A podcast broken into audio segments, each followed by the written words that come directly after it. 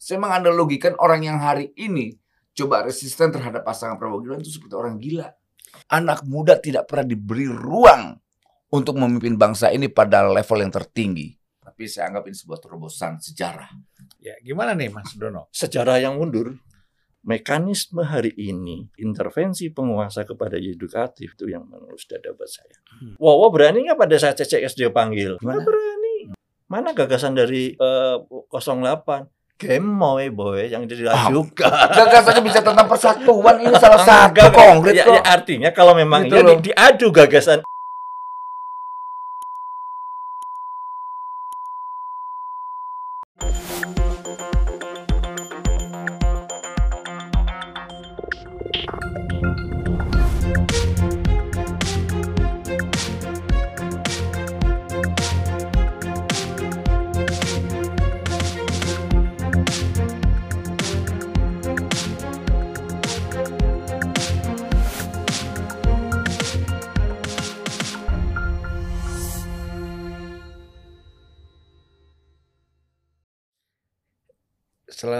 datang Mas Dono Prasetyo. Wah, Terima kasih Bung Sulwan.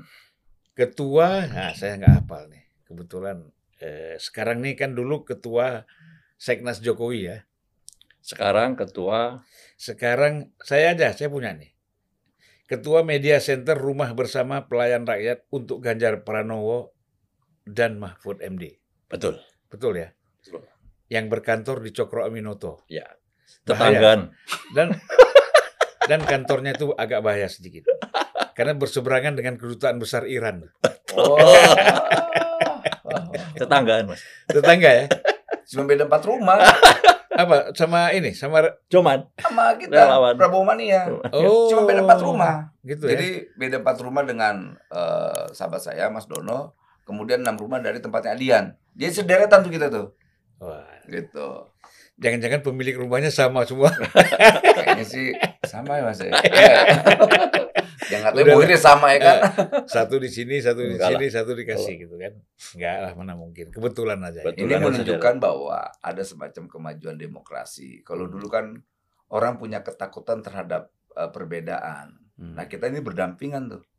Gitu. jangankan kita- berdampingan, setiap harinya WA terus. Ya, Ya. karena kan aku nganggap ini kawan Mas Dono ini dong, kawan persahabatan masa gara-gara ini. Iya. Betul, kita Capres kan bisa. sampai Februari aja. Persahabatan sepanjang masa. Masa-masa. Iya. Iya kan? Yang Po- bisa politik se wadahnya, Hmm. kawan persahabatan seumur. selamanya. Betul. Ya, jadi aku deng- walaupun sudah terkenal, nah, ya kan, Immanuel Ebenezer Le- relawan Prabowo Mania, Eh, mania. Mania 08.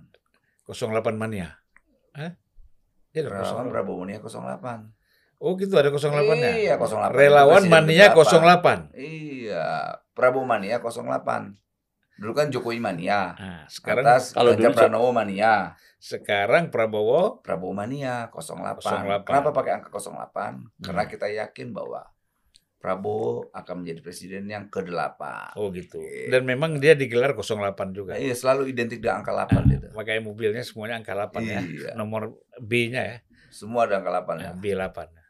Jangan-jangan itu kuntu- apa nomor keuntungan buat beliau kan. 8 itu kan katanya eh, angka yang banyak membawa keuntungan ya. Ya itu angka-angka klinikan lah ya kan. Nah, Kita ini orang yang rasional lah. baik. Saya ucapkan selamat datang sekali Siap. lagi kita di situasi apa eh, yang semakin memanas ya. Tetapi hati kita tetap dingin kan gitu. Abang yang dingin, kita panas sih bang. Abang mah enak.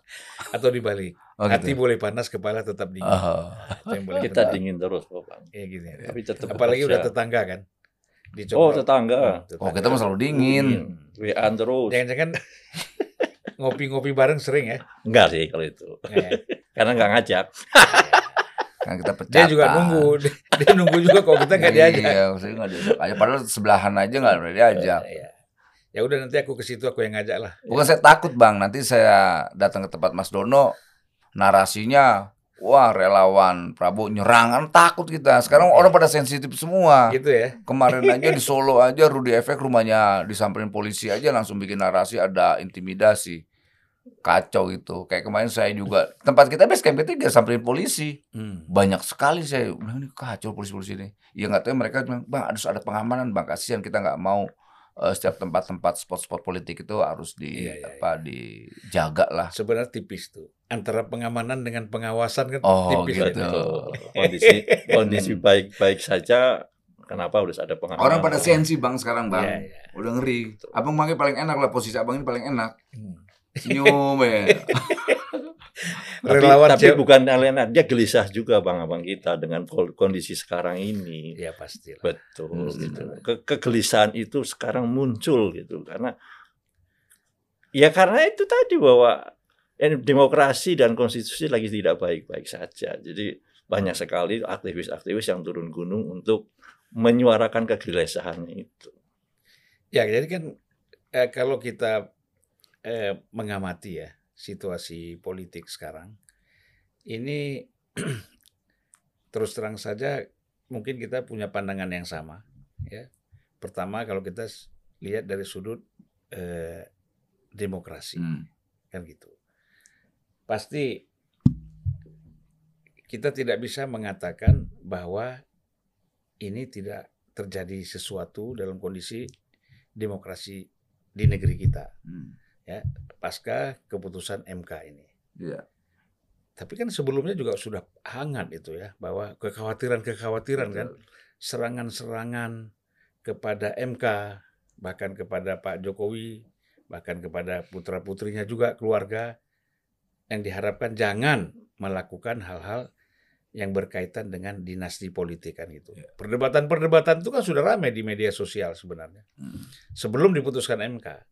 Tetapi toh pada akhirnya kita melihat eh, MK memutuskan juga kan Hmm. sesuai de- ti- eh, apa eh, apa yang dikhawatirkan oleh sebagian masyarakat itu menjadi keputusan. Lah sekarang itu sudah menjadi keputusan kemudian orang pasti masih bertanya ini hakim MK-nya diberhentikan sebagai ketua ya jabatannya ya jabatan ketuanya di dicopot Ya, bukan anggotanya. bukan anggotanya. Kemudian keputusannya tetap berjalan, tetap berlaku karena Hmm. dengan alasan final and binding tadi. Hmm. Oleh karena itu orang juga merasa belum puas nih. Kita nggak tahu apa yang terjadi ke depan kan. Itu pasti yang paling tahu itu Mas Dono sama. Yang nggak Eben. paling tahu lah. Nah, gimana kita melihat situasi ini, Mas Dono? Oke, eh begini, eh, sebenarnya eh, kita ini kan sebenarnya harus kembali kepada sebelum putusan MK itu sendiri gitu loh, Bang. Eh, di balik ini semua kan ada satu hidden agenda yang menurut saya luar biasa yang tidak tidak berjalan hanya pada saat putusan MK. Orang sudah bercerita semua ketika periode perpanjangan dan akhirnya keputusan MK anaknya masuk menjadi wakil presiden. Ini yang menurut saya sebagai orang yang ikut bersama-sama berjuang ya, pada waktu itu tahun 2014 saya mengantar Bapak Presiden Jokowi ke Mahkamah Konstitusi ke, ke KPU dari Teguh Umar itu merasa sedih karena apa? Bersama-sama dengan Pak Jokowi dengan Wakil Presidennya Yusuf Kala dan juga eh, Andi Wijayanto bersama. Dan sebelumnya kita setiap Sabtu setiap hari Minggu kita car video untuk memberikan suara-suaranya dengan seperti di Amerika kita berkampanye karena waktu itu dia masih seorang gubernur bahwa inilah tokoh yang nantinya bisa membawa nahkoda kapal besar bernama Indonesia untuk memimpin negeri ini menjadi lebih baik. Awalnya sudah berkembang dengan baik, tapi pada ujungnya di akhir-akhir seperti ini, saya merasa bukan seperti Jokowi yang dulu gitu loh. Nah, kondisi seperti sekarang ini kenapa menjadi uh, putusan MK menyakitkan banyak pihak karena memang proses itu sendiri menurut saya akan bergelindan terus karena apa? Keputusan pelanggaran etik saya dulu pernah yang namanya komisioner Komisi Informasi Publik di mana saya juga menyidangkan adjudikasi dan mediasi. Dalam etiknya di situ dinyatakan bahwa kalau ada yang berkepentingan di sana, orang itu harus mundur. Tidak mengikuti yang namanya persidangan. Persidangan. Dan itu itu adalah komisi informasi di mana tidak me- melakukan perubahan-perubahan konstitusi. Itu pun sudah diatur dengan tegas di sana harus kalau ketahuan itu hukuman yang paling berat adalah karena etik itu lebih berat daripada pidana dipecat. Hmm. Dipecat dari keanggotaan dan dipecat juga dari katakanlah jabatan waktu itu. Nah, ketua MK ini sebenarnya menurut saya ini adalah keputusan yang ada kompromi. Etik pelanggarannya adalah sangat berat. KPK juga ada dipecat harusnya. Itu terjadi pada ke- anggota KPK yang perempuan itu siapa? Komisioner. Komisioner KPK dia melanggar etik kan, dipecat. Ini ketua- Karena hadir di rumah seseorang yang dia yang bukan itu, yang dulu, yang perempuan yang ikut ke ke nonton GP1 Oh Mandalika ya. Mandalika. Hmm. Itu itu kan sampai dipecat akhirnya. Walaupun sebenarnya putusnya dipecat. Nah, ah, dia mengundurkan diri. Itu pun sebenarnya begitu. Etik yang dia katakan jiwa besarnya Hmm. karena sudah melanggar etik kalaupun tidak dipecat dia mundur. Hmm. Itu yang terjadi Mas. Dan itu saya rasa Tapi kan begini Mas Dono.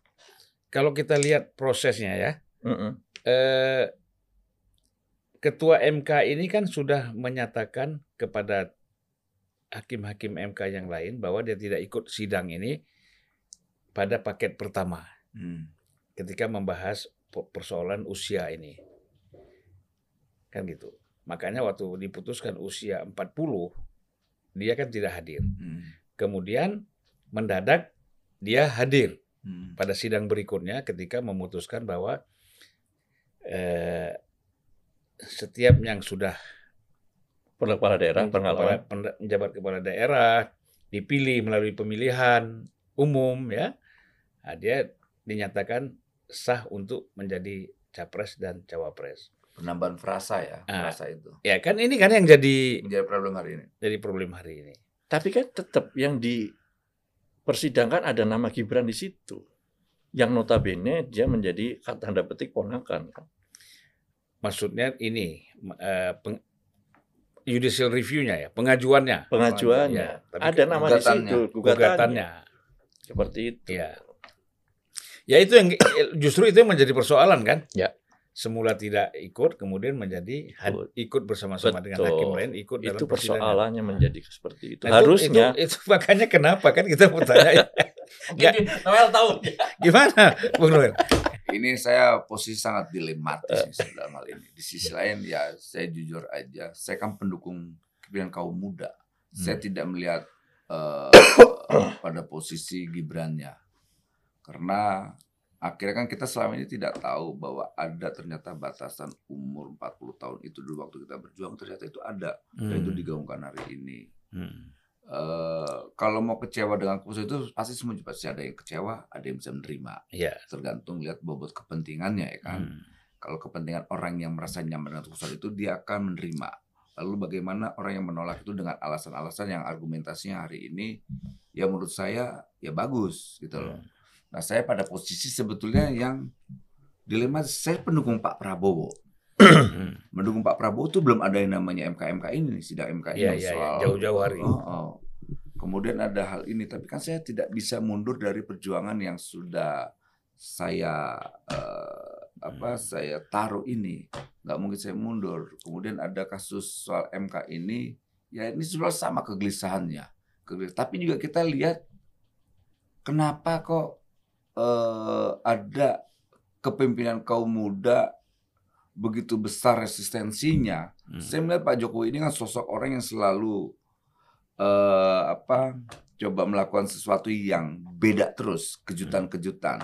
Dia berani, maaf, saya menyampaikan bahwa Pak Jokowi berani eh menjadikan anaknya martir untuk sesuatu yang lebih maju. Hmm. Saya melihat Gibran ini adalah harapan, walaupun memang ada masalah. Hmm. Nah, sekarang kita melihat apakah harapan ini tetap kita jaga atau tidak, atau kita masih bicara tentang masalah. Kalau kita bicara tentang masalah, nggak selesai Republik ini. Hmm. Akhirnya kita, energi kita, energi Republik ini hanya sibuk melihat persoalan terus. Ya sudah, ini harapan ini kita jaga ya terus, gitu loh. Hmm. Harapan ini kita jaga. Saya tidak mau melihat Gibrannya. Saya melihat sosok kepemimpinan kaum muda. Toh dia kan bukan presiden, dia wapres Hmm. gitu loh. Tapi Karena kan ada yang- tapi ada keraguan juga kan. Ini kan seperti kata Yusuf Kala, Hmm. ini kan presidennya sudah agak usia agak lanjut gitu loh. Kalau Hmm. terjadi apa-apa kan jadi presiden juga. Nah, gini. Nah, ya itu kekhawatiran itu semua juga punya kekhawatiran. Ah. Tapi yang paling penting gini, hak eksekutif dan perintah eksekutif kan tetap ada di presiden. Ya. Itu itu itu nggak mungkin dan Pak Prabowo ya apa Pak Prabowo itu tahu persis lah apa yang harus ditugas-tugaskan dan apa yang harus dilakukan. Memang umur itu tidak bisa dibohongin gitu. Hmm. Tapi ini kan menarik. Pertama saya anggap eh, pasangan Prabowo Gibran ini selain pasangan rekonsiliasi, pasangan juga generasi. Generasi Pak Prabowo dengan generasi yang Hmm. anak muda. Ini kan luar biasa. Ya. Tinggal harapan ekspektasi kita ini sebagai saya misalnya pendukung eh, kepemimpinan kaum muda dan juga pendukung Pak Prabowo yang selalu Hmm. menyampaikan bahwa saya akan membuka jembatan emas buat kepemimpinan kaum muda. Hmm. Dan saya suka itu. Kemudian dia berani mengimplementasikan tidak melakukan penolakan terhadap hadirnya Mas Gibran dipasangkan oleh beliau. Dan itu menjadi poin eh, positif buat saya. Ditambah lagi kita kita lihat ada beberapa koalisi partai yang semua itu partai cuman apa eh, luar biasa, partai-partai luar biasa misalnya kayak Partai Golkar, partai yang udah puluhan tahun bisa menerima realita politik ini kan nggak mudah, Bang. Hmm. Nah, eh, dasar itulah sampai sekarang saya coba eh, apa berpikir positif dan teguh pada pilihan-pilihan yang sudah saya pilih kemarin misalnya kayak memilih Pak Prabowo. Saya ini pendukung Pak Prabowo, tapi saya juga mendukung kepemimpinan kaum muda. Entah itu fisiknya Mas Gibran, entah fisiknya nanti anaknya Bang Zul atau siapa atau Mas Dono terserah. Karena sebelum ada keputusan itu belum ada yang namanya pendaftaran KPU. Artinya apa? Mas Ganjar juga bisa memilih Kaisang. Hmm. Mas Anies juga bisa memilih yang namanya Gibran. Bobi. Hmm. Nggak susah kan? Hmm. Kan tidak ada yang dilanggar. Kesempatan itu kan sama. Hmm. Gitu loh. Makanya saya bilang kenapa harus resistensi? Ngapain kalau gitu kalau kalian merasa tidak nyaman dengan Gibran? Pilih aja yang di bawahnya Gibran sekalian. Umur 26 tahun siapa kek? Atau umur berapa tahun siapa kek? Kan nggak susah. Nah memang ada problem yang tadi kita sampaikan, kita diskusi. Ada penambahan frasa itu. Soal dia pernah menjabat dan bla bla bla lah. Hmm. Tapi saya tetap menganggap bahwa apa yang dilakukan Jokowi hari ini dengan menjadikan anaknya sebagai wapresnya Pak Prabowo itu adalah terobosan sejarah. Lepas dari eh, cara berpikir kita subjektif atau objektif atau eh, dari eh, kita menerima atau tidak menerima. Tapi saya anggap ini sebuah terobosan sejarah. Ya, gimana nih Mas Dono? Sejarah yang mundur. Ah. Kenapa? Seorang Gibran, kita tahu pada waktu itu kalau dia sudah ke dalam dalam konstitusinya MK dia sudah melanggar, bapaknya sebagai melanggar etik. Dia sebagai anggota pada saat sebelum dia dipilih eh, menjadi calon calon baru ada anggota Partai Demokrasi Indo Perjuangan. Hmm. Artinya apa? Tegak lurus komando kepada Partai Demokrasi Indonesia Perjuangan. Satu. Hmm. Kedua, saya masih dua tahun. Saya tidak akan ikut ikutan menjadi seorang calon presiden. Ucapan seorang pemimpin yang harus kita pegang. Yang ketiga adalah bukan mudanya, Bung, tapi proses gilerisasi pada saat dia harus dipimpin di situ pemakai frasa. Pada saat dia menjadi wali kota, pada saat dia menjadi wali kota Bobi, nggak ada yang kita persoalkan. Hmm. Tapi begitu dia memakai kondisi memanfaatkan intervensi eksekutif kepada yudikatif itu Hmm. menjadi berbahaya. Ranahnya menjadi persoalan gitu loh. Nah, di sinilah sebenarnya buat kita nggak ada persoalan mas. Katakan siapa pun anak muda aku senang gitu loh. Kalau ada yang tokoh kenapa nggak si apa eh, tokoh muda kita yang eh, eh, apa, apa youtuber terjadi yang yang keren itu siapa mas Atta yang Halilintar. bukan Atta dan juga si satunya lagi yang youtuber itu kan juga lebih daripada si Hmm. eh, Gibran itu. Kenapa tidak pilih itu seperti umpamanya kata Mas eh, kalau ngomong begitu? Bukan itu, tapi persoalannya adalah persoalan di mana kalau itu ada prosesnya betul, pers, eh, apanya pemutusannya juga betul, bukan daripada saat katakan aja PDP dan sebagainya dia mundur dulu katakan dia aku, aku mencalonkan ke bagaimana caranya itu sah saja tapi dia ngomong aku belum saatnya. Ada di dalam konteks-konteks seperti itu. Sehingga menurut saya ini ditabrak seperti itu yang tidak pada tempatnya. Sayang sekali legacy Pak Jokowi yang saya juga sayang Mas dengan Pak Jokowi. Saya kepingin legacy ini sampai tahun 2024 dia mundur dengan smooth. Saya pernah ngomong di sini loh Pak. Itu legacy Pak Jokowi. Tapi dengan kondisi seperti sekarang, demokrasi setback. Dan itu tidak sama ngomong itu jurnalis-jurnalis luar negeri juga mau ngomong itu yang dulunya dipuja-puja gitu Hmm. Nah, sekarang dipuja-puja dengan ketidakbaikannya.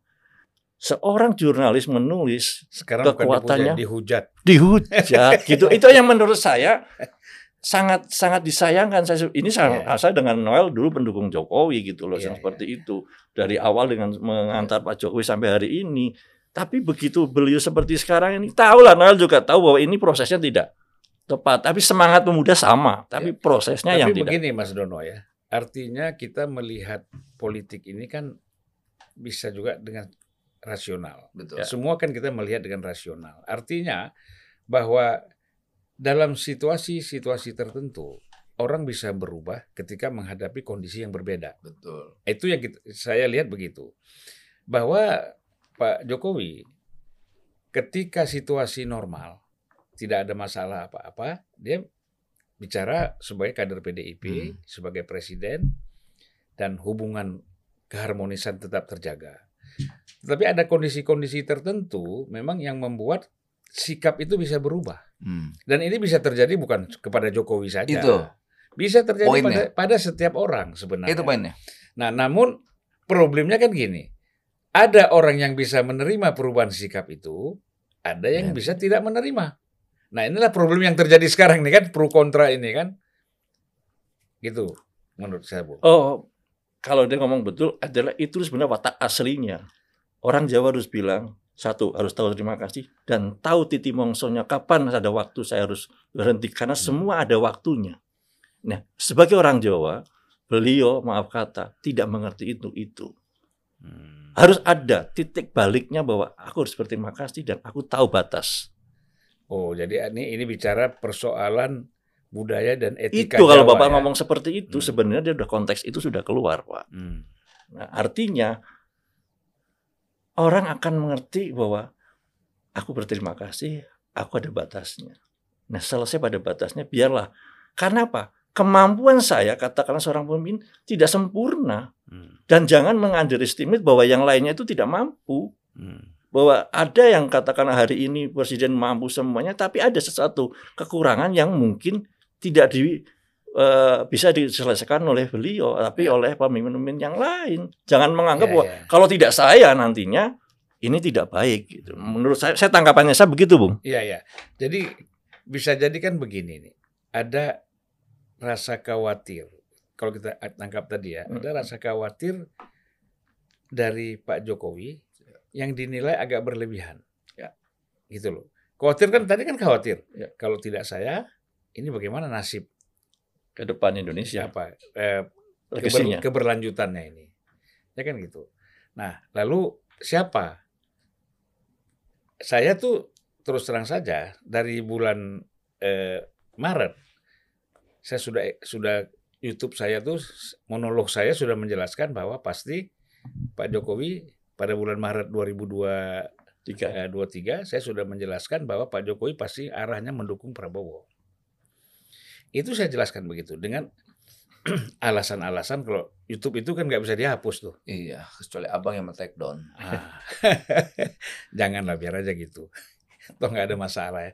Nah, jadi kalau kita lihat dari sudut itu bahwa eh, kekhawatiran itu itu bisa dianggap berlebihan misalnya. Nah ini Bung Noel melihatnya seperti apa? Ya ini kan antara politik etik dan politik rasional. Hmm. Nah ini yang terkadang ya, tadi apa yang Mas Dono bilang ya itu politik etik dalam Jawa ya begitu. Anda harus hmm. paham dan mengerti dan sebagainya. Tapi ada politik yang rasional yang menjadi dasar pertimbangan Pak Jokowi soal Indonesia perahu besar ini, rumah besar Indonesia ini jangan sampai dikendalikan pada orang yang tidak tepat. Hmm. Saya yakin sekali apa yang disampaikan Pak Jokowi itu itu pernyataan yang paling rasional. Dia punya pertimbangan-pertimbangan tertentu. Jangan sisa 11 tahun ini kita menghadapi Indonesia yang lebih bagus, bonus demografi dan sebagainya. Kemudian 2045 kita mau jadi bangsa unggul. Tapi seandainya nakoda, mimpi nakoda ini tidak baik, tidak baik, lantas tidak bisa diandalkan dan lemah, inilah menjadi problem. Gitu ya, akan menjadi mundur. Ingat, perubahan selalu memakan yang namanya korban. Hmm. Dan kita jangan bawa alergi terhadap perubahan itu. Saya khawatir cara berpikir orang eh, yang hari ini resisten terhadap eh, Mas Gibran, cara berpikirnya terlalu mundur Hmm. gitu. Karena kenapa? Ya dia susah sekali menerima sesuatu yang baru. Kayak tadi Mas Dudan sampaikan, "Wah, banyak anak muda youtuber. Nah persoalan mereka punya keberanian nggak? Gitu loh. Banyak Pertama itu. banyak faktor ya. Bukan Ya, banyak faktor kayak tadi Bang Zul. bukan soal keberanian saja. Pertama kan eh, Ada Punya- privilege, punya privilege, power nggak? privilege. Nah privilege itu Iya dilakukan pertama Nah. gini. Makanya tadi saya bilang ini sebuah terobosan. Dia berani itu mengorbankan anaknya untuk sebuah apa, apa? Terobosan perubahan. Hmm. Ini nggak mudah menurut saya ini. Ini saya yakin ada pergumulan politik dalam eh, kebatinan Pak Jokowi. Saya yakin sekali. Atau bisa kita tarik yang kita persempit ini masalah. Kalau saya lihat ya, eh, kalau tadi kan bicara etika, Hmm, ya kan? Bicara etika dan Ya. budaya. iya. Ini kan mungkin kita analisa kita terlalu jauh juga, Mas. Sebenarnya persoalan ini bisa ditarik menjadi persoalan yang sederhana, kemudian efeknya yang yang, yang Nah. tidak sederhana. Misalnya begini, sebagai seorang presiden, ya kan, dan bagaimana orang waktu itu mengecam yang namanya orang-orang yang membuat video yang melec seolah-olah Pak Jokowi dilecehkan ketika Pak Jokowi berhadapan dengan Ibu Mega dalam satu kursi Yang sendiri itu. dikondisikan seperti anak SMA menghadapi kepala sekolah kan gitu. Hmm, Yang oleh Mbak Puan itu di saya nggak tahu saya kira nggak sengaja ya tiba-tiba itu viral kan gitu. Orang kan mengecam video itu hmm, hmm. dan orang di belakang Pak Jokowi semua kan itu. Ya kemudian berkali-kali Pak Jokowi disebut sebagai petugas partai. Itu itu ini kan bicara perasaan nih, Iya. ya kan? Hmm. Kemudian eh, hal lain lagi misalnya banyak ucapan-ucapan si ibu misalnya Iya. ya kasihan ya Jokowi krempeng kalau nggak ada P- PDIP PDIP nggak jadi nggak presiden. jadi presiden misalnya itu yang terakhir kita lihat eh, ketika eh, menetapkan Ganjar sebagai presiden juga nampaknya nggak diajak bicara tiba-tiba ditelepon aja langsung suruh datang ke istana Bo- apa ke Batu Tulis Betul, betul. Banyak faktor bang. banyak faktor jadi Hmm. Maksud saya begini, analisis-analisis kita itu ada benarnya. Betul. Tetapi sebenarnya kan gini, eh, manifest yang latennya, Hmm. ya, function latennya ini Hmm. kita simpan. Betul. Sebenarnya yang laten tuh ini, yang tersembunyi itu ini. Tapi kan yang manifest kita bicara macam-macam, gitu mas. Nah, ini kalau nggak, ini kan persoalannya nggak clear gitu loh. Saya melihat ini, Hmm. nah inilah kemudian bukan hanya menyangkut Pak Jokowi, juga menyangkut menyangkut eh, putra putri, eh putra juga ada putri ya Pak Jokowi ya. Ada, Ada satu kan, yang kawin sama. Bobby kan? Bobby. Putra putri, saya pikir putra semua. Putrinya ada. Bobby itu menantu ya. menantu. Nah, jadi kemudian istri dan keluarga. Nah, ini kan semua menyangkut semua ini. Nah, karena sikap eh, apa yang dirasakan ini begitu dalam me- mengganggu perasaan dan batin, nah, akhirnya keluarnya seperti ini. Itu Mas. Jadi sebenarnya eh, tidak sederhana juga ya. Ya, jadi banyak faktor lah Banyak sebetulnya kan. Sebetulnya kalau kita mau runut lagi peristiwa sebelum terjadinya kejadian-kejadian Hmm. ini kan banyak opsi-opsi politik saat itu terkait soal eh, pasangan 2024 nanti. Waktu itu kan ada opsi Prabowo Ganjar yang Hmm. selalu ditolak tolak ditolak ditolak. Sampai eh, ya saya nggak tahu entah salah atau benar namanya analisa kan bisa salah bisa benar. Jokowi berkali-kali memberi kode-kode politik agar ini bisa satu paket tapi kan ada semacam penolakan Hmm. penolakan dari eh, PDIP Yang kemudian saya nggak tahu dasar penolakan, tapi saya yakin sekali dasar penolakan itu karena ada faktor yang menganggap bahwa elektabilitas Mas Ganjar saat itu tinggi. Akhirnya ada semacam rasa kepedean. Nah Pak Jokowi kan berharap sudahlah.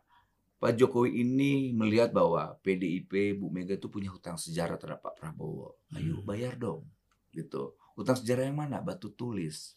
Hmm. Dari batu tulis juga dari sejarah itu dan lahir juga dari batu tulis juga dan Jokowi menjawab dari batu tulis juga. Saya akan menyelesaikan hutang sejarah Bu Mega. Harusnya ambil positifnya dong, gitu. Jadi enak kita. Dan Pak Jokowi masang badan buat Bu Mega hari ini. Itu orang yang lupa terhadap hal itu sejarah Apa itu. itu misalnya? Loh, 2000 berapa itu yang Bu Me- 2000 berapa itu yang batu tulis? Hmm. bahwa di di poin berapa itu no- 8 atau berapa bahwa Mega akan mendukung Pak Prabowo sebagai presiden. Oh. Dari batu tulis loh, itu Iya, perjanjian iya. batu tulis. Hmm. Kemudian lahir lagi perjanjian batu tulis baru yang mendeklarasikan Ganjar. Dan dari deklarasi batu tulis juga Jokowi menjawab. Makanya jangan baperan dong. Jangan membuat sandiwara dong. Jangan drakor dong. Kan ini Hmm. rentetan peristiwa, Pak. Jadi jangan kita jadi anti sejarah, ahistoris gitu. Ini tidak baik. Jadi kalau melihat sesuatu tuh ya utuh, jangan parsial. Hmm. Jadi runtutan peristiwanya ada. Hmm. Yang tadi kayak Bang Zul ceritakan ada peristiwa ya seakan-akan Pak Jokowi di, direndahkan dengan eh, pernyataan-pernyataan. Kamu kan petugas partai. Kalau tidak saya, lu nggak ada. katanya. Hmm. Itu dipublish itu kan tidak. Kalau mau bicara tentang politik etik atau etis, ya itu kan tidak pantas gitu loh. Apalagi kita lihat bahwa PDIP kan partai besar. Dia akan menyampaikan hal yang besar. Kemudian ini partai ideologis, bicara hal-hal yang ideologis gitu loh. Makanya saya lihat ini tidak tidak apa tidak bagus buat buat bangsa ini ke depan. Ya akhirnya ya terjadi seperti ini. Jangan marah dong. Kalau kita marah ya ya jadi tidak bagus. Masa energi bangsa ini harus diisi oleh marah-marah lantas hasrat yang yang emosional. Saya lihat nih hasrat yang emosional hari ini dipertontonkan oleh para elit yang tidak ingin bangsa ini maju lebih ke depan lebih cepat. Pak Jokowi kan pengen dia sangat rasional orang ini, Hmm. sangat rasional. Bangsa ini harus maju ke depan, tidak bisa tidak. Kita hanya sisa 11 tahun untuk bagaimana mendapatkan target-target yang harus kita capai. Bonus demografi. Bonus demografis itu mau Ya. menganggur nih anak-anak muda yang 54% ini sebagai penentu kemenangan siapa pun capresnya. Ada yang bicara tentang anak muda. Oh, saya berpihak. Berpihak yang mana? Cuma sebagai slogan. Baru dilahirkan eh, Gibran aja udah pada panik. Saya maaf Hmm. Bang Zul sekali lagi. Saya melihat ada semacam ada analogi sederhana gini. Di sana itu ada orang-orang kesurupan di pinggir jalan yang hari ini teriak-teriak, nimpuk-nimpuk kerjaannya, mengorkestrasi sesuatu yang namanya orang gila ya kan Hmm. orang gila kan nggak rasional gitu Hmm. loh. Saya menganalogikan orang yang hari ini coba resisten terhadap pasangan Prabowo Gibran itu seperti orang gila. Tapi begini ya, kalau saya kita bicara PDIP dari sisi, sisi ketua umum ya Mbak Mega, saya kira melihat persoalan ini agak dengan dengan senyum juga, dengan sejuk ya. Bu Mega itu udah terlatih lah. Ya, dia tidak mengeluarkan satu statement-statement yang katakanlah yang membuat suasana ini semakin panas gitu loh. Termasuk sebenarnya eh, calon presiden dan calon wakil presiden Ganjar dan Pak Mahfud misalnya. Tapi kan persoalannya kan ada lingkaran-lingkaran elit partai yang memang kadang-kadang eh, tidak siap Dan mengeskalasi, Bang. menerima kondisi ini. Mengeskalasi. Hmm. Misalnya kayak Asto, saya itu Asto tuh. Hmm. Asto kan selalu mengeskalasi. Ber- ber- Beberapa kali kita lihat pernyataan-pernyataan politiknya bukan malah membuat situasi politik ini eh, apa eh, semakin baik malah mengeskalasi politik itu semakin tidak bagus. Ya tapi kan Mas Ya. Dono ya, si Eh, gimana Mas Dono? ya. ada? Kalau kita ngomongin soal nahkoda ataupun kapal besar itu Pak Jokowi ke sana. Tahun 2014 kalau nahkoda kapal besar Republik Indonesia itu yang bisa memimpin adalah Prabowo 2014 saya pilih. Noel juga kan. 2014 itu kalau memang hari ini yang katakan kapal besar itu yang yang yang memimpin adalah eh, Prabowo yang baik bukan Jokowi, saya sudah pilih waktu itu. Bukan sekarang. Tapi kan problemnya kan Cara dulu, cara dulu, cara dulu. Tayangan dipotong dulu. Oh. Saya ngomong belum selesai, Ya. Bu. Ya kan. Santai, santai. Sa- ya, aku santai kok, aku santai. Ini ini ini supaya ada ada satu Iya, iya, iya. eh, penekanan gitu Supaya loh. eh, ketemu ini Ya, ya kan. ada penekanan Ya. gitu, ada penekanan di situ bahwa kedua kita bandingkan pada saat kenegarawan Ibu Mega dengan Pak Jokowi. Hmm. Saat 2013 teriak-teriak untuk bisa ditampilkan supaya Pak Jokowi menjadi calon presiden. Hmm. Padahal saat itu Ibu Megawati bisa menunjukkan dirinya untuk jadi calon presiden. Dia mendengarkan dengan jelas telinga masyarakat dan tidak mau digulung oleh sejarah Pak Jokowi maju dicalonkan oleh Ibu Mega Hmm. sebagai calon presiden Ibu Megawati kala. 2024 ini dengan kapasitasnya PDIP bisa mengusung sendiri, harusnya dia bisa mengusung Ibu Puan untuk menjadi calon presiden. Dia tidak. Dia keluar dari gelanggang, mendengarkan aspirasi masyarakat, majulah dia sebagai eh, Pak, Jok- eh, Pak Ganjar sebagai Ganjar. calon presiden. Pak Jokowi, anaknya dalam satu putaran cawapres aja dalam elektabilitas nggak ada, Hmm. suaranya nggak ada. Karena dia punya kekuasaan, punya power, masuk. Masyarakat akan bisa menilai siapakah sebenarnya negarawan. Kenapa Golkar, PAN dan sebagainya aja terikat, Pak. Bukan karena lego. Seorang Golkar dengan munasnya, saya tahu sendiri dari Nusron, Hmm. harusnya ketum ini menjadi Capres, capres cawapres. ataupun cawapres. Itu mandat amanatnya. Iya, betul. Tapi dalam kondisi sekarang ini, Bapak tahu lah, Bung juga tahu lah, ikatan apa kenapa dia ada di sana padahal tadinya juga udah mau ke Gol ke PDIP. Hmm. Jadi Bung, seperti itu. Kita di bawah nggak ada persoalan, siapa pun yang jadi presiden, tapi yang jelas kaum nasionalis hari ini terpecah. Hmm. Itu yang saya sangat sedih. Takutnya adalah paham-paham ideologi yang lainnya bukan nasional akan yang masuk. Mereka sekarang teriak, ter- tepuk tangan. Di belakang itu dia tinggal menunggu waktu nih. Biasanya orang-orang 212 itu sudah masuk Pak, demo-demo Pak hari. Hmm. Hari ini enggak. Ke mana? Karena kita sedang dipecah.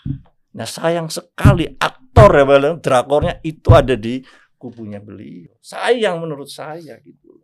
Seperti itu yang saya menganggap bahwa hari ini kenapa kita menjadi sedih. Sedih. Sebenarnya nggak siapa pun kalau Prabowo menang secara jenderal saya akui nggak ada persoalan gitu loh. Tapi mekanisme hari ini intervensi penguasa kepada edukatif itu yang menurut dada buat saya. Hmm. Itu. Ya gini, tadi kan Hmm. Mas dulu cerita soal sejarah 2013, Mm-mm. bagaimana beliau coba eh, memberi semacam eh, masukan dengan cara-cara beliau lah ya. Ya sekarang Mas Dono udah punya kesalahan besar juga, punya kontribusi sejarah yang besar Hmm. dalam proses sejarah ini. Ya beliau harus bertanggung jawab tuh. Gitu. Saya sudah bung. Bertanggung jawab. Gitu. Dengan- Iya dong, tadi kan dia bilang saya ini ngedukung Pak Jokowi 2013. Nah sekarang tanggung tuh Hmm. gitu harus bertanggung jawab tuh Iya. kalau saya sih fokus saya yang penting bangsa ini berjalan dengan tracknya Hmm. kalau Mas Dono ini kan ya Mas Dono tahu lah ya kan nggak mungkin kita sebagai aktivis pada tahu latar belakang masing-masing kalau saya ini udah pernah dikomuniskin di era Orde Baru dianiaya di era Jokowi saya ditaruhin tuh Hmm. Bang Zul tahu ya kan cuman satu harapan saya sama anak bangsa ini jangan main fitnah karena soal pandangan politik. Jujur, Hmm. kalau tadi yang disampaikan kelompok-kelompok 212, ingat kelompok nasionalis yang radikal itu lebih bahaya, sama bahayanya dengan kelompok fundamentalis agama. Ingat Mas, maksud saya beradil kita dalam berpikir itu lebih baik daripada kita coba membangun stigma-stigma baru lagi yang akhirnya apa? Kita tidak pernah bisa menatap masa depan kita ke depan karena kita hanya sibuk pada persoalan-persoalan kecil itu. Selain itu pada kepolisian, penegak hukum, tapi apa? Fokus kita sebagai anak bangsa, kader bangsa, tetap pada kerangka ideologi yang sudah kita sepakati ya Pak Pancasila. Ayo bicara tentang persatuan, kesejahteraan, keadilan itu yang lebih penting daripada kita beda pandangan, hukum mati, beda pandangan, tangkap. Eh sekarang belum dia papain aja sudah membawa orkestrasi, kami diintimidasi. Itu tidak adil juga. cengeng saya anggap. Ini partai-partai besar, partai sudah terlatih. Tapi kenapa perilakunya seakan-akan tidak menunjukkan dia sebagai partai besar? Gini mas, kita coba bicara tentang hal yang substansi. Bung Karno tuh sering menyampaikan, jas merah, jangan lupa sejarah. Bahkan disampaikan dalam pidatonya apa? Siapkan aku 10 anak muda, akan aku guncang dunia ini. Satu anak muda yang sudah lahir hari ini adalah Mas Gibran. Kita secara politik susah menolak realita itu karena ada sebuah keputusan. Hmm. gitu loh. Lepas suka atau tidak suka ya kan? Tapi itu sebu- sebuah keputusan. Boleh kita marah. Marah itu tidak salah mengkritik itu juga tidak Saya salah tidak marah. yang saya khawatirkan oke gelisah. eh, eh, jangan nggak Gelisah apa-apa loh. Resah dan gelisah. betul. Resah dan Betul. marah tidak lo ya. benar oke anggapnya Kalau gelisah. marah saya ke MK tak bakar itu loh. Ya, Ya, ya. Oke, anggapnya gelisah. Itu juga bagian dari sikap kritis yang timbul dari Mas Dono karena beliau kan aktivis. Dia marah dengan realita. Oke, aku anggap bilangnya marah lah Mas ya. Biar nggak maksud eh, dalam pengertian yang salah gitu. Kok orang yang saya dukung, orang yang saya harapkan supaya legasinya nanti ketika beliau eh, sudah tidak memimpin men, apa me- mewariskan sesuatu yang baik. Ya susah juga. Ini kan ada tuntutan sejarah yang nggak bisa kita pungkiri. Puluhan tahun loh, anak muda tidak pernah diberi ruang untuk memimpin bangsa ini pada level yang tertinggi. Yaitu apa? Menjadi presiden dan wakil presiden. Yang adanya slogan. Bahkan selama ini maaf, Bang Zul, saya tidak tahu ternyata ada batasan 40 tahun tuh. Setahu saya, saya pikir karena anggota DPR RI bisa umur 20 sekian, sekian, sekian bahkan pada level yang lain juga boleh. Eh ternyata ada gitu loh. Dan ini kan kejahatan politik. Kejahatan politik yang dilakukan oleh apa? Para politisi korup, polisi tua yang korup. Kita harus marah atas soal itu, Bang. Mas Dono dan Bang Zul. Jadi saya tidak bermaksud Ya, dan- untuk eh, apa? Eh, saya kira begini ya, orang kan persoalan Gibran ini kita lihat secara bertahap bisa menerima secara rasional. Ya. Anak muda kan gitu. Betul. Tapi yang dipersoalkan kan prosesnya. Gitu loh, proses. Nah, proses inilah sekarang sehingga lahirlah pikiran-pikiran sampai kepada yang yang il- yang akademik sampai yang non akademik misalnya. Betul. Yang akademik apa? Misalnya pendekatan ada satu orang tuh menulis di Tempo misalnya ini adalah pendekatan yang dilakukan upaya intervensi terhadap MK misalnya ini dianggap sebagai eh, model Machiavelli Jawa misalnya. Ya kan itu, kan Ya. ini kan ini kan muncul. Ini kalau udah ngomong teori Machiavellis, ini Orang Jawa ya. Nah, Orator. versi Jawa. versi Jawa, ya kan? Nah, padahal kan sebenarnya nggak, ya kita nggak tahu relevan atau tidak ya. Ya. Tetapi kan yang namanya orang mempunyai ide, gagasan, melihat situasi ini kan mencari suatu hal yang memang apa yang paling tepat digunakan sehingga kalau orang kan bicara Machiavelli biasa, Hmm. ah Machiavellis. Tetapi kalau ini Machiavellis Jawa, apalagi ini kan barang baru lagi kan gitu. Sehingga istilah baru nih. istilah baru Istilah baru. Nah, tetapi sudah di launching di media, kemudian su- sudah juga menjadi beberapa pihak Hmm. kalangan sudah menjadi pembahasan Iya. yang juga cukup Hmm. Eh, menarik. Tapi itu kan harus dibuktikan. Iya. Ke- Kembali lagi kan itu kan ada ada tesis namanya kan. Betul. Nah, dibuktikannya dengan antitesis benar atau tidak Iya. pikiran-pikiran seperti itu. Nah, jadi eh, persoalan anak muda ini sebenarnya ini kan udah selesai. Siapa pun kita lah. Hmm. Di, du- a- ada di mana kemarin itu? Ekuador. Ekuador 35, 35 tahun. tahun. 35 tahun. Bapaknya pedagang, Pedagang pisang, pisang. gitu kan. Nah ini juga pedagang pisang nih, Ini pedagang pisang. anaknya. Ya bapaknya kan pedagang mebel dulu, Iya pedagang mebel. ya kan? Betul. Ya, betul. Hanya berhasil dua kali menjadi Presiden. presiden di sana berkali-kali ikut capres nggak pernah menang. Gagal anaknya. Nah, iya kan? Hmm. Gagal. Anaknya yang berhasil. Nah, saya kira memang eh, ini proses sehingga orang juga membandingkan misalnya anaknya Duterte No, Duterte menjadi wakilnya wakilnya eh. Bongbong, Bang anaknya Marcos kan Hmm. menjadi presiden wakil presiden wakil presiden di Filipina dan banyak negara lain contoh-contohnya lah. Ya sebenarnya soal anak muda ini hal yang biasa. Nah, yang harus kita selesaikan itu adalah prosesnya. Secara etik kan sudah diselesaikan. Hmm. Misalnya eh, dinyatakan salah, dinyatakan bahwa ini dari segi etika tidak pantas. Secara hukum udah selesai sebenarnya. Iya.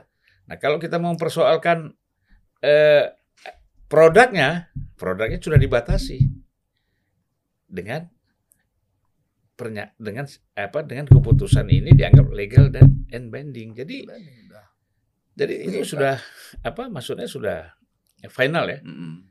sehingga tidak tidak usah menjadi perdebatan lagi. Apalagi yang kita mau perdebatkan. selesai ini persoalannya. Jadi persoalannya sekarang memang pertarungannya menurut saya kan ini kan tempatnya pindah Hmm. dari ranah hukum sekarang pindah ke ranah politik. Sebelum masuk masuk ke ranah politik kan ranah perdebatan dulu di mana-mana nih. Termasuk kita di sini kan mendiskusikan itu Ya. kan. Ya, itu biasa ya untuk memperkaya. Ya. Untuk memperkaya. Orang kan harus ada saluran. Ya. Kalau tidak ada podcast, tidak ada Ada eh, kanal. tidak ada kanal, tidak ada misalnya tidak ada orang seperti Gunawan Muhammad yang bicara. Hmm. Tidak ada orang seperti Butet Kartarajasa yang menulis, ya kan? Meng, meng- apa, em, mewujudkan ekspresinya. Hmm. Ada seperti Eros Jarot misalnya, dan beberapa orang yang lain. Ini saya kira menjadi tersumbat ini. Dan kalau tersumbat yang kita khawatirkan itu ledakannya dahsyat. Jadi dengan ini kan agak tersalurkan lah, eh, apa Kanalnya. kemarahan-kemarahan Ya. itu, kemarahan-kemarahan itu.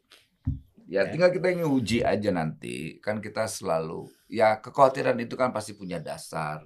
Tinggal nanti pembuktiannya apakah eh, yang kita khawatirkan ini benar terjadi sama halnya saat waktu Jokowi. Kan Mas Dono tahu Hmm. Jokowi kurang apa dulu dihina. Hmm. Bahkan orang yang menghina dia kan bahkan di sekeliling dia hari ini bisa masuk. Orang ini orang pedagang Mau ngomong Prabowo yang menghina gitu. Ya, ya maksudnya Prabowo begitu. ya. Ya, wajar gitu kan sama hari ini Mas Dono gitu. Eh, kita nggak boleh melupakan sejarah. Enggak, artinya kalau sampai hari apa sampai hari ini saya tetap ada di kubunya eh, Ganjar yang yang berseberangan dengan Prabowo Hmm. karena itu sikap. Sekarang masih dukung sikapnya Pak Jokowi nggak? apa? Sikap Pak Jokowi dalam konteks yang ini Yang tidak. sekarang ini. Yang yang ini tidak karena itu berlawan dengan Nah, konstitusi. sekarang maksud saya sampai saya sampai ini sudah menolak. 2024 sampai 2024 kayak Hmm. antar. Saya udah komen itu di sini juga sebelum Pak Jokowi ngomong begitu sampai 2024 kami antar Pak Jokowi. dengan situasi seperti ini masih mau ngantar. Mengantar juga. Nah, Artinya saya mengantar Pak Jokowi Hmm. dengan kondisi seperti ini adalah Hmm. semoga the next-nya itu kita bertarung. Artinya bertarungnya Pak, Ya. Pak Jokowi di sana, kita di sini ada persoalan. Ayo kita atur strategi gitu. Kalau Nah. kita sayang dengan Pak Jokowi pilih Ganjar. mm-mm. Berarti sikap Mas ini sama dengan Surya Paloh lah. Tinggal nanti kita coba ini aja, menjaga kualitas demokrasinya aja. Ya, Karena ya. kita nggak mau nanti. Mas Dono ini kan peduli, saya juga peduli. Cuma hanya beda pilihan aja. Ya. Kita saya tidak mau karena beda pilihan, kemudian kita harus menghilangkan substansinya, yaitu Hmm. apa? Penguatan demokrasi itu sendiri. Kalau seandainya siapa pun ya, misalnya Pak Prabowo, kita dukung kemudian kita biarkan dia ugal-ugal kan bahaya juga. Karena saya tidak mau menjadi pendukung yang buta sama kayak jokor-jokor itu. Apa yang disampaikan Jokowi itu kayak sep- seperti firman Tuhan. Saya nggak mau. Karena saya bagian dari korban kekejian itu. Jadi saya santai aja ngadepinnya. Hmm. Makanya saya ngeliat ketika ngeliat kawan-kawan PDI hari ini begitu reaktif, saya kaget loh. Kalian bukan sudah terbiasa. Kita di 96, kita di Jalan Pendukur, kamu lebih parah dari hari ini. Nggak seberapa hari ini. Hmm. Hari ini masih ada, kita tertolong dengan industri digital. Bang Zul punya podcast, tidak ada namanya diedit-edit, Hmm. loh, semua utuh berita yang ada di sini. Tapi mulai di loh yang namanya utuh. Bimelek ketua BEM itu juga sudah mulai di apa ditekan Diteror. Nah, itu juga kan tidak baik. Maaf. Nah, Hmm. Ketua BEM itu, itu kan adik-adikan saya, dia diskusi sama saya juga. jangan ditekan seperti Nah, itu. jangan di ini gini gini. Begituan tuh saya tahu mainannya lah. Sama-sama tahu Mas Dono kayak begituan. Semua seakan-akan ini kan telepon yang tidak tahu siapa yang telepon. Dia ditelepon, keluarganya diintimidasi. Ya kita nggak tahu maaf aja. Saya bisa curiga juga. Jangan-jangan ini bagian mainannya orangnya Mas Ganjar gitu loh. Maaf maaf ya Mas, maaf maaf, punten. Janganlah main mainkan orkestrasi begitu. Kenapa tidak laporan ke polisi? Dia laporinnya ke Opa Darto. Hmm. Kan aneh. Kalau seandainya ada tindakan-tindakan pidana, laporan ke polisi dong. Hmm. Jangan Dan, dan juga baleho-baleho diturunkan di Bali seperti itu. Yang lainnya enggak. Gini itu, itu kan Mas. a- artinya ada indikasi-indikasi. Saya tidak juga menyebut, tapi Nah. ada indikasi, Mas. Dulu nggak ada seperti itu. Nah, kalau kita mau fair, ayo. Kalaupun dengan Gibran nggak ada persoalan kita Iya. fair gitu loh. Kita dalam berdasarkan jujur dan adil kita lakukan sama setara di situ. Kalau Pak Jokowi ngomong setara di situ sampai hari ini Nah, kita kalau gitu gini jangan berkeluh kesah. Laporin dong ke Bawaslu. Ada bawa Sepakat. dan pengawas pemilu. sepakat. Laporin aja. Nah, kadang-kadang saya bingung lihat eh, apa kawan-kawan yang di Mas Ganjar ini. Selalu aja kemari-kemari udah tidak ada gagasannya, berkeluh kesah, mengorkestrasi ada kejadian, ada intimidasi, teror, Hmm. dan Kalau- intervensi. Kalau kalau ngomong Nggak gagasan, ketemu gagasannya, gagasannya mana? Gagasan- Orang udah gini, partai ideologis, ini, partai yang besar, dia akan fokus pada apa? Rencana-rencana besar. Ya, Itu sepakat. sudah bodoh amat lah. Kalau saya jadi, maaf ya, kalau saya jadi kader PDIP, saya sebagai, sebagai pendukung Ganjar, saya fokus tuh terhadap apa cita-cita yang saya perjuangkan. Udah sih bodoh amat orang mau ngapain kayak.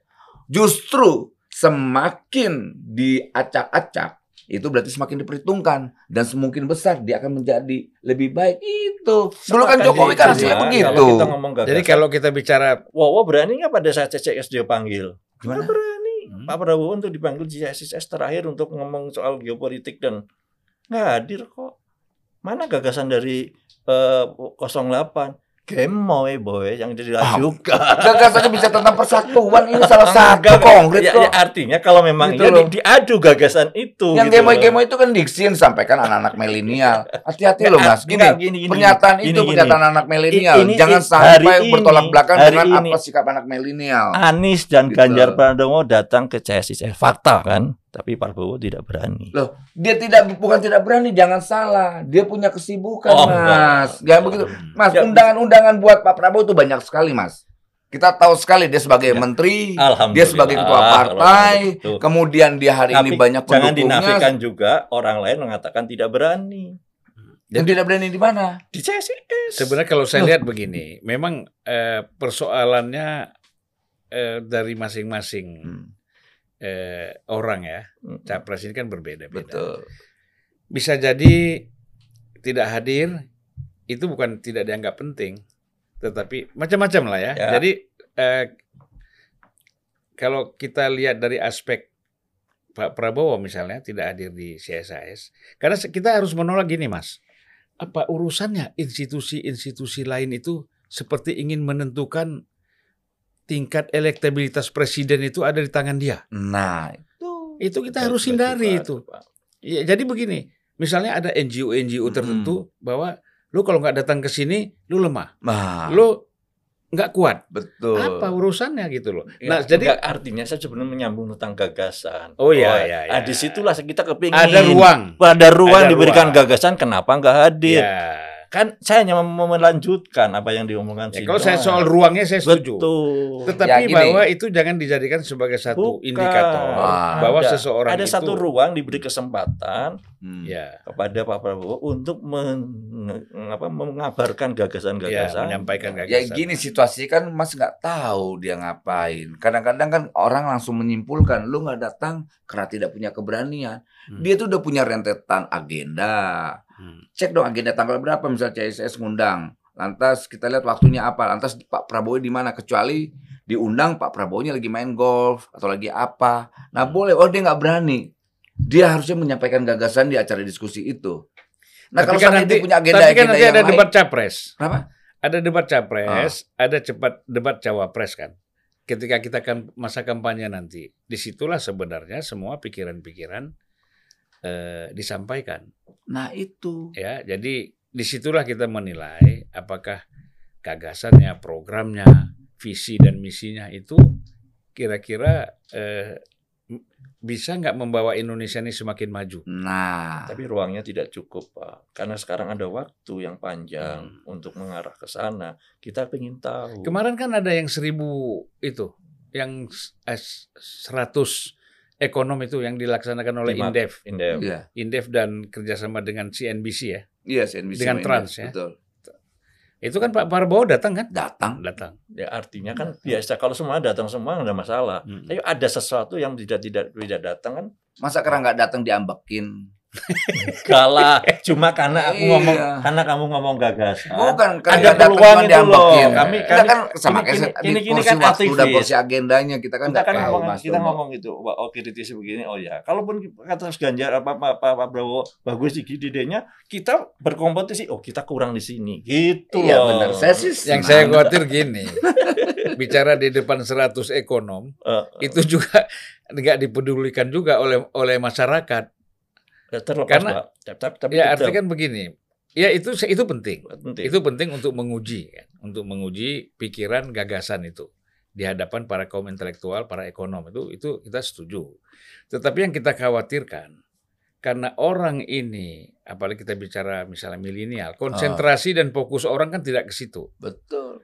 Nah akhirnya jangan sampai forum-forum seperti ini, yang forum mulia ini, yang sangat berkualitas itu menjadi sia-sia. Itu yang kita khawatirkan. Ya. Nah, mak, Setuju. nah, makanya forum-forum seperti itu ya memang Mbak dalam arti enggak artinya begini forum-forum itu di mana-mana orang yang memang kritis itu kan memang tidak banyak ya ruang-ruang seperti itu juga tidak banyak Hmm. tapi snowballnya itu yang luar biasa paling tidak luar juga tahu oh kapasitas seorang seperti ini memang yang bawa-bawa nggak pernah nggak perlu yang penting sandang pangan papan gitu Hmm. loh tapi bagi kita untuk mengerti tentang ada satu lagi mas, sandang, pangan, papan, kafan. nggak mau ikut ikut akhir. Loh iya kan? Iya. Sekarang kan orang mau meninggal kain kafan juga mahal loh. Mahal. Ah, ah. Sampai kuburan juga mahal sekarang. Kuburan-kuburannya mahal bukan iya. kain kafannya. yang di sana mah miliaran Ah. Iya. Mungkin kita sampai kepada closing statement ya. Nah, Saya kira udah banyak sekali yang kita sampaikan dan tapi saya senang loh hari ini sama Noel lama nggak ketemu Iya, ini saya bela loh Kan- Kita walaupun beda pilihan, beda pandangan kan nggak gini. Kesetiaan itu nggak mesti harus eh, didasari oleh kesamaan pandangan. Hmm. Kesetiaan itu juga harus lahir dari apa? Sebuah perbedaan pandangan. Ya. Closing statement ya. Oke, semoga ke depan nanti kita mendapatkan sebuah pemimpin yang saya tidak terlalu sibuk dengan hal-hal yang tidak substansial, Bang. Walaupun Hmm. ada kegelisahan oleh eh, kawan-kawan saya, misalnya Mas Dono dan semua. Tapi kan kita berharap 2024 nanti ada sebuah terobosan eh, atau harapan yang bisa benar-benar menjalan menakodai perbesar ini Hmm. Dengan tentengkan masa depan. Kita tidak mau bicara tentang bagaimana berkuasa di 2024, tapi kita coba di 2024 itu harus menjadi sebuah harapan bersama. Makanya semoga 2024 nanti Indonesia ini dijalankan demokrasi dengan riang gembira. Apalagi Pak Prabowo selalu menyampaikan, Mas Ganjar itu sahabat saya, dia merah putih. Begitu juga Mas Anies, dia merah putih. Bu Mega itu kayak kakak saya. Jadi apa masalahnya? Kita sama-sama merah putih.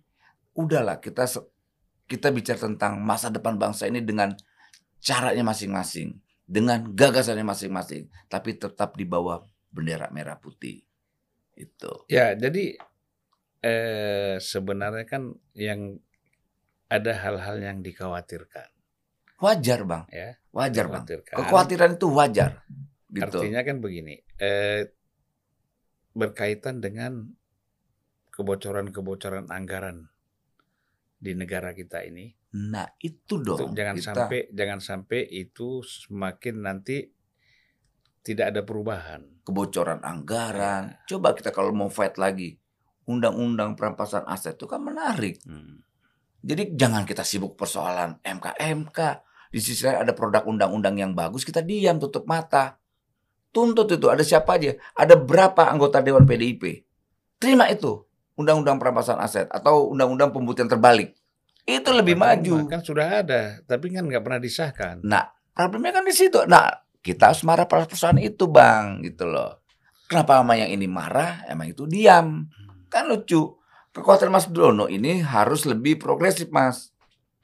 Gitu, Kang Mas. Baik Mas, silakan Mas. ya Kita beri kebebasan untuk Mas Dono mengekspresikan bukan kemarahan, Kegelisahannya. ah, kegelisahannya bukan kemarahan. Nggak marah, dia nggak mau bilang marah. Gelisah. Gelisah. gini loh eh, pemilu mestinya harus kita junjung bahwa itu permainan yang fair karena ada banyak eh, wasit-wasit yang netral di situ. Hmm. Nah, saya kepingin pemilu itu juga menjadi jurdil demokratis untuk mengantar Pak Jokowi sampai ke 2024 Hmm. dengan baik. Jadi saya kepingin demokrasi ini jangan sampai aparatur baik itu militer, polisi maupun ASN ber- ber- bercampur tangan ada di sana. Biarkan ini bergerak dengan eh, apa jalannya masing-masing, sudah ada wasitnya, sudah kita percayakan ke sana. Yang kedua bahwa kemenangan Ganjar sudah terasa di, di, di kulit. Artinya apa? Kalau lawan dengan Pak Prabowo Gibran nggak ada persoalan buat kita. Enggak bukan bukan Gibran. Dukung ya? Dukung. Wah ini nih. artinya Pendukung Ganjar yang dukung Prabowo Gibran keren. artinya kita bertarung secara fair. Ya. Cuma mekanisme itu kan diskusi kita, bukan Betul. pada saat bukan pada saat putusannya. Cuma diskusi kita pada hari ini adalah bagaimana putusan itu kita me- mewacanakan dan berdiskusi. Kalau sudah diputuskan ya mari kita berjuang secara fair di sana. Ya. Betul. Setuju mas. Dengan masing-masing program dan Ya, kekuatan betul. yang dibangun di Betul. tengah-tengah masyarakat ya. Ya. Terima kasih Bung eh, Eben, Siap bang. Kemudian- Bang. Mas Dono. Terima kasih Bang Zul. Sampai kita jumpa lagi di eh, dalam situasi yang berbeda. Amin. Oke, terima kasih. Siap. Saya menganalogikan orang yang hari ini coba resisten terhadap pasangan Prabowo Gibran itu seperti orang gila. Anak muda tidak pernah diberi ruang untuk memimpin bangsa ini pada level yang tertinggi. Tapi saya anggap ini sebuah terobosan sejarah. Ya, gimana nih Mas Dono? Sejarah yang mundur mekanisme hari ini intervensi penguasa kepada yudikatif itu yang menurut dada buat saya. Hmm. Wowo berani nggak pada saat CCS dia panggil? Gimana? Nggak berani. Mana gagasan dari eh, 08? Gemoy boy yang diajukan. Gagasannya bisa tentang persatuan ini salah Ah, satu konkret ya, kok. ya, artinya kalau memang Gitu ya loh. di- diadu gagasan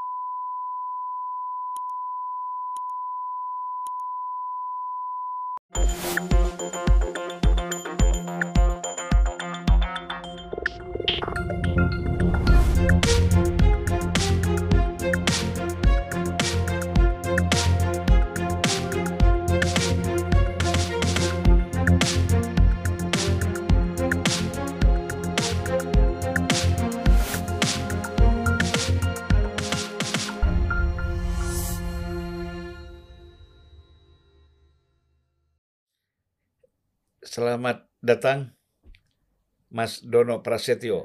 Wah, Terima kasih Bung Sulwan. ketua, nah saya nggak hafal nih. Kebetulan eh, sekarang nih kan dulu ketua Seknas Jokowi ya. Sekarang ketua Sekarang saya aja, saya punya nih. Ketua Media Center Rumah Bersama Pelayan Rakyat untuk Ganjar Pranowo dan Mahfud MD. betul. Betul ya? Betul. Yang berkantor di Cokro Aminoto. Ya. Bahaya. Tetanggaan. Dan dan kantornya itu agak bahaya sedikit. Karena berseberangan dengan kedutaan besar Iran. Oh. Tetanggaan Mas. Tetangga ya? Cuma beda empat rumah Apa sama ini sama Cuman sama kita Relawan. Prabowo Mania. oh Cuma beda empat rumah. Gitu ya. Jadi beda empat rumah dengan eh, sahabat saya Mas Dono. Kemudian enam rumah dari tempatnya Adian. Jadi sederetan tuh kita tuh. Wah, Gitu. Jangan-jangan pemilik rumahnya sama semua. Kayaknya sih sama ya Mas ya. Yang nggak tahu Udah ini sama ya kan. satu di sini, satu di Enggak sini, satu dikasih gitu kan. Enggak lah mana mungkin. Kebetulan aja. Ini menunjukkan bahwa ada semacam kemajuan demokrasi. Kalau dulu kan orang punya ketakutan terhadap eh, perbedaan. Hmm. Nah, kita ini berdampingan tuh. Gitu. Karena Jangan kan berdampingan. Setiap harinya WA terus. Ya, Ya. karena kan aku nganggap ini kawan Mas Dono Iya ini. dong, kawan persahabatan masa gara-gara ini. Iya. Betul. Kita Capres kan bisa. sampai Februari aja. Persahabatan Ah, sepanjang masa. Masa-masa. Iya. Iya kan? Yang Po- bisa politik dibatasi se sama se- wadahnya. Hmm. Kawan seumur. selamanya. Betul. Ya, jadi aku walaupun sudah terkenal, nah, ya kan, Immanuel Ebenezer Le- relawan Prabowo Mania. Eh, mania. 08. 08 mania. Hah? Iya dong, Relawan 08. Prabowo Mania 08. Oh gitu ada 08 ya? Iya, 08. Relawan mania ke-8. 08. Iya, Prabowo Mania 08. Dulu kan Jokowi Mania. Nah, sekarang Atas kalau dulu- Pranowo Mania. sekarang Prabowo Prabowo Mania 08. 08. Kenapa pakai angka 08? Karena Hmm. kita yakin bahwa Prabowo akan menjadi presiden yang ke-8. Oh gitu. Iya. Dan memang dia digelar 08 juga. Nah, iya, selalu identik dengan angka 8 gitu. Makanya mobilnya semuanya angka 8 ya. Iya. Nomor B-nya ya. Semua ada angka 8 ya. Nah, B8. Jangan-jangan itu kuntu, apa nomor keuntungan buat beliau kan. 8 itu kan katanya eh, angka yang banyak membawa keuntungan ya. Ya itu angka-angka klinikan lah ya kan. Nah, Kita ini orang yang rasional lah. baik. Saya ucapkan selamat datang sekali Siap. lagi kita di situasi apa eh, yang semakin memanas ya. Tetapi hati kita tetap dingin kan gitu. Abang yang dingin, kita panas nih bang. Abang mah enak. Atau dibalik, Oh, hati gitu. boleh panas, kepala tetap dingin. Oh. Boleh Kita kita dingin terus. Bang. ya gini. ya. Tapi tetap Apalagi udah bekerja. tetangga kan. Oh, Dicoba. tetangga. Oh kita mah selalu dingin. WA terus. Jangan-jangan ngopi-ngopi bareng sering ya. Enggak sih kalau itu. Ya. Karena nggak ngajak. Kan kita pecah. Dia juga nunggu, dia, dia nunggu juga kalau kita nggak diajak. Iya, saya nggak diajak aja. Padahal sebelahan aja nggak boleh diajak. Ya, ya udah nanti aku ke situ aku yang ngajak lah. Bukan saya takut bang, nanti saya datang ke tempat Mas Dono, narasinya, wah relawan Prabowo nyerang, kan takut kita. Sekarang orang pada sensitif semua. Gitu ya. Kemarin aja di Solo aja Rudi Efek rumahnya disamperin polisi aja langsung bikin narasi ada intimidasi. Kacau gitu. Kayak kemarin saya juga tempat kita base camp kita samperin polisi. Hmm. Banyak sekali saya bilang ini kacau polisi-polisi ini. Ya nggak tahu mereka bilang, "Bang, harus ada pengamanan, Bang. Kasihan kita nggak mau eh, setiap tempat-tempat spot-spot politik itu harus di Iya, iya, apa dijaga lah." Sebenarnya tipis tuh. Antara pengamanan dengan pengawasan kan Oh, tipis. gitu. Betul. Kondisi kondisi baik-baik saja. Kenapa harus ada pengamanan? Orang pada sensi Bang sekarang, Bang. Iya, iya. Udah ngeri. Abang makanya paling enak lah posisi Abang ini paling enak. Hmm. Senyum ya. Tapi, Relawan tapi cewek- bukan alena, dia gelisah juga bang-abang kita dengan kondisi sekarang ini. Ya pasti. Betul. Hmm, gitu. betul. Ke- kegelisahan itu sekarang muncul gitu karena ya karena itu tadi bahwa eh, demokrasi dan konstitusi lagi tidak baik-baik saja. Jadi banyak sekali aktivis-aktivis yang turun gunung untuk menyuarakan kegelisahannya itu. Ya jadi kan eh, kalau kita eh, mengamati ya situasi politik sekarang ini terus terang saja mungkin kita punya pandangan yang sama ya pertama kalau kita lihat dari sudut eh, demokrasi Hmm. kan gitu pasti kita tidak bisa mengatakan bahwa ini tidak terjadi sesuatu dalam kondisi demokrasi di negeri kita Hmm. Pasca keputusan MK ini. Iya. Tapi kan sebelumnya juga sudah hangat itu ya bahwa kekhawatiran-kekhawatiran kan serangan-serangan kepada MK bahkan kepada Pak Jokowi bahkan kepada putra-putrinya juga keluarga yang diharapkan jangan melakukan hal-hal yang berkaitan dengan dinasti politik kan gitu. Perdebatan-perdebatan itu kan sudah ramai di media sosial sebenarnya. Hmm. Sebelum diputuskan MK. Tetapi toh pada akhirnya kita melihat eh, MK memutuskan juga kan Hmm. sesuai de- ti- eh, apa eh, apa yang dikhawatirkan oleh sebagian masyarakat itu menjadi keputusan. Lah sekarang itu sudah menjadi keputusan kemudian orang pasti masih bertanya ini hakim MK-nya diberhentikan sebagai ketua ya jabatannya ya jabatan ketuanya di dicopot Iya, bukan anggotanya. bukan anggotanya. Kemudian keputusannya tetap berjalan, tetap berlaku karena Hmm. dengan alasan final and binding tadi. Hmm. Oleh karena itu orang juga merasa belum puas nih. Kita nggak tahu apa yang terjadi ke depan kan. Itu pasti yang paling tahu itu Mas Dono sama. Ya nggak paling tahu lah. Juga. Nah, gimana kita melihat situasi ini, Mas Dono? Oke, eh begini. eh, sebenarnya eh, kita ini kan sebenarnya harus kembali kepada sebelum putusan MK itu sendiri gitu loh. Eh, di balik ini semua kan ada satu hidden agenda yang menurut saya luar biasa yang tidak tidak berjalan hanya pada saat putusan MK. Orang sudah bercerita semua ketika periode perpanjangan dan Akhirnya keputusan MK anaknya masuk menjadi wakil presiden. Ini yang menurut saya sebagai orang yang ikut bersama-sama berjuang ya, pada waktu itu tahun 2014 saya mengantar Bapak Presiden Jokowi ke Mahkamah Konstitusi ke, ke KPU dari Teguh Umar itu merasa sedih. Karena apa? Bersama-sama dengan Pak Jokowi dengan Wakil Presidennya Yusuf Kala dan juga uh, Andi Wijayanto bersama. Dan sebelumnya kita setiap Sabtu setiap hari Minggu kita car video untuk memberikan suara-suaranya dengan seperti di Amerika kita berkampanye karena waktu itu dia masih seorang gubernur bahwa inilah tokoh yang nantinya bisa membawa nahkoda kapal besar bernama Indonesia untuk hmm. memimpin negeri ini menjadi lebih baik. Awalnya sudah berkembang dengan baik, tapi pada ujungnya di akhir-akhir seperti ini, saya merasa bukan seperti Jokowi yang dulu gitu loh. Nah, hmm. kondisi seperti sekarang ini kenapa menjadi uh, putusan MK menyakitkan banyak pihak karena memang proses itu sendiri menurut saya akan bergelindan terus karena apa? Keputusan pelanggaran etik saya dulu pernah yang namanya komisioner Komisi Informasi Publik di mana saya juga menyidangkan adjudikasi dan mediasi. Dalam etiknya di situ dinyatakan bahwa kalau ada yang berkepentingan di sana, orang itu harus mundur. Tidak mengikuti yang namanya persidangan. persidangan dan itu itu adalah komisi informasi di mana tidak me, melakukan perubahan-perubahan konstitusi itu pun sudah diatur dengan tegas di sana harus kalau ketahuan itu hukuman yang paling berat adalah karena etik itu lebih berat daripada pidana dipecat hmm. dipecat dari keanggotaan dan dipecat juga dari katakanlah jabatan waktu itu hmm. ya, ketua MK ini sebenarnya menurut saya ini adalah keputusan yang ada kompromi etik pelanggarannya adalah sangat berat KPK juga ada dipecat harusnya. Hmm. Itu terjadi pada anggota KPK yang perempuan itu siapa? Komisioner. Komisioner KPK dia melanggar etik kan, hmm. dipecat.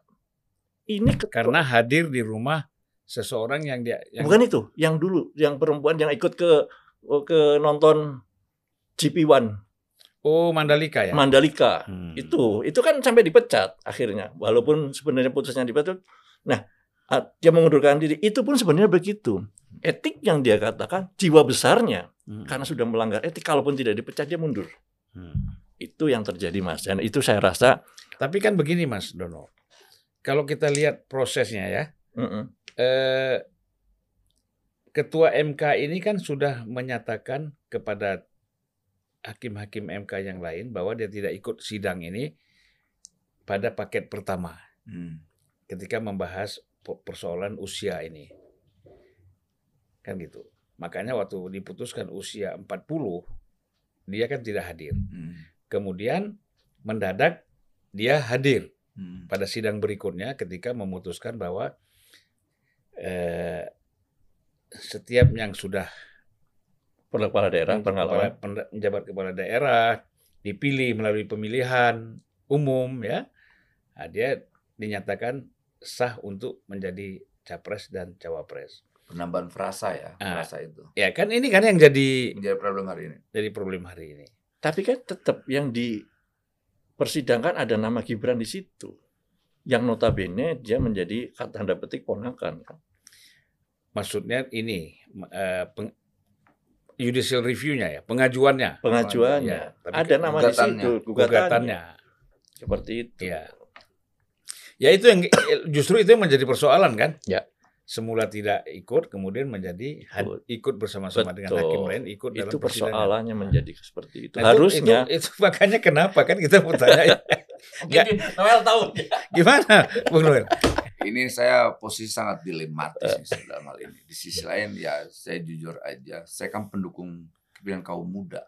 Hmm. saya tidak melihat uh, pada posisi Gibrannya. Karena akhirnya kan kita selama ini tidak tahu bahwa ada ternyata batasan umur 40 tahun itu dulu waktu kita berjuang ternyata itu ada hmm. dan itu hmm. digaungkan hari ini. Hmm.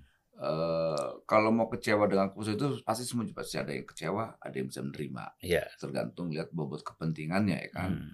Kalau kepentingan orang yang merasa nyaman dengan keputusan itu dia akan menerima. Lalu bagaimana orang yang menolak itu dengan alasan-alasan yang argumentasinya hari ini ya menurut saya ya bagus gitu loh. Nah saya pada posisi sebetulnya yang dilema saya pendukung Pak Prabowo. mendukung Pak Prabowo itu belum ada yang namanya MK-MK ini nih, sidang MK ini Iya, iya, iya. soal Jauh-jauh hari. Oh, oh. Kemudian ada hal ini, tapi kan saya tidak bisa mundur dari perjuangan yang sudah saya eh, apa saya taruh ini. Nggak mungkin saya mundur. Kemudian ada kasus soal MK ini, ya ini sebenarnya sama kegelisahannya. Kegelis- Tapi juga kita lihat kenapa kok eh, ada kepemimpinan kaum muda begitu besar resistensinya. Hmm. Saya melihat Pak Jokowi ini kan sosok orang yang selalu eh apa coba melakukan sesuatu yang beda terus, kejutan-kejutan. Dia berani, maaf, saya menyampaikan bahwa Pak Jokowi berani eh menjadikan anaknya martir untuk sesuatu yang lebih maju. Hmm. Saya melihat Gibran ini adalah harapan, walaupun memang ada masalah. Hmm. Nah, sekarang kita melihat apakah harapan ini tetap kita jaga atau tidak, atau kita masih bicara tentang masalah. Kalau kita bicara tentang masalah, nggak selesai Republik ini. Hmm. Akhirnya kita, energi kita, energi Republik ini hanya sibuk melihat persoalan terus. Ya sudah, ini harapan ini kita jaga ya terus. Gitu loh. Hmm. Harapan ini kita jaga. Saya tidak mau melihat Gibrannya. Saya melihat sosok kepemimpinan kaum muda. Toh dia kan bukan presiden, dia wapres. Hmm. Gitu loh. Tapi Karena kan ada yang- tapi ada keraguan juga kan. Ini kan seperti kata Yusuf Kala, Hmm.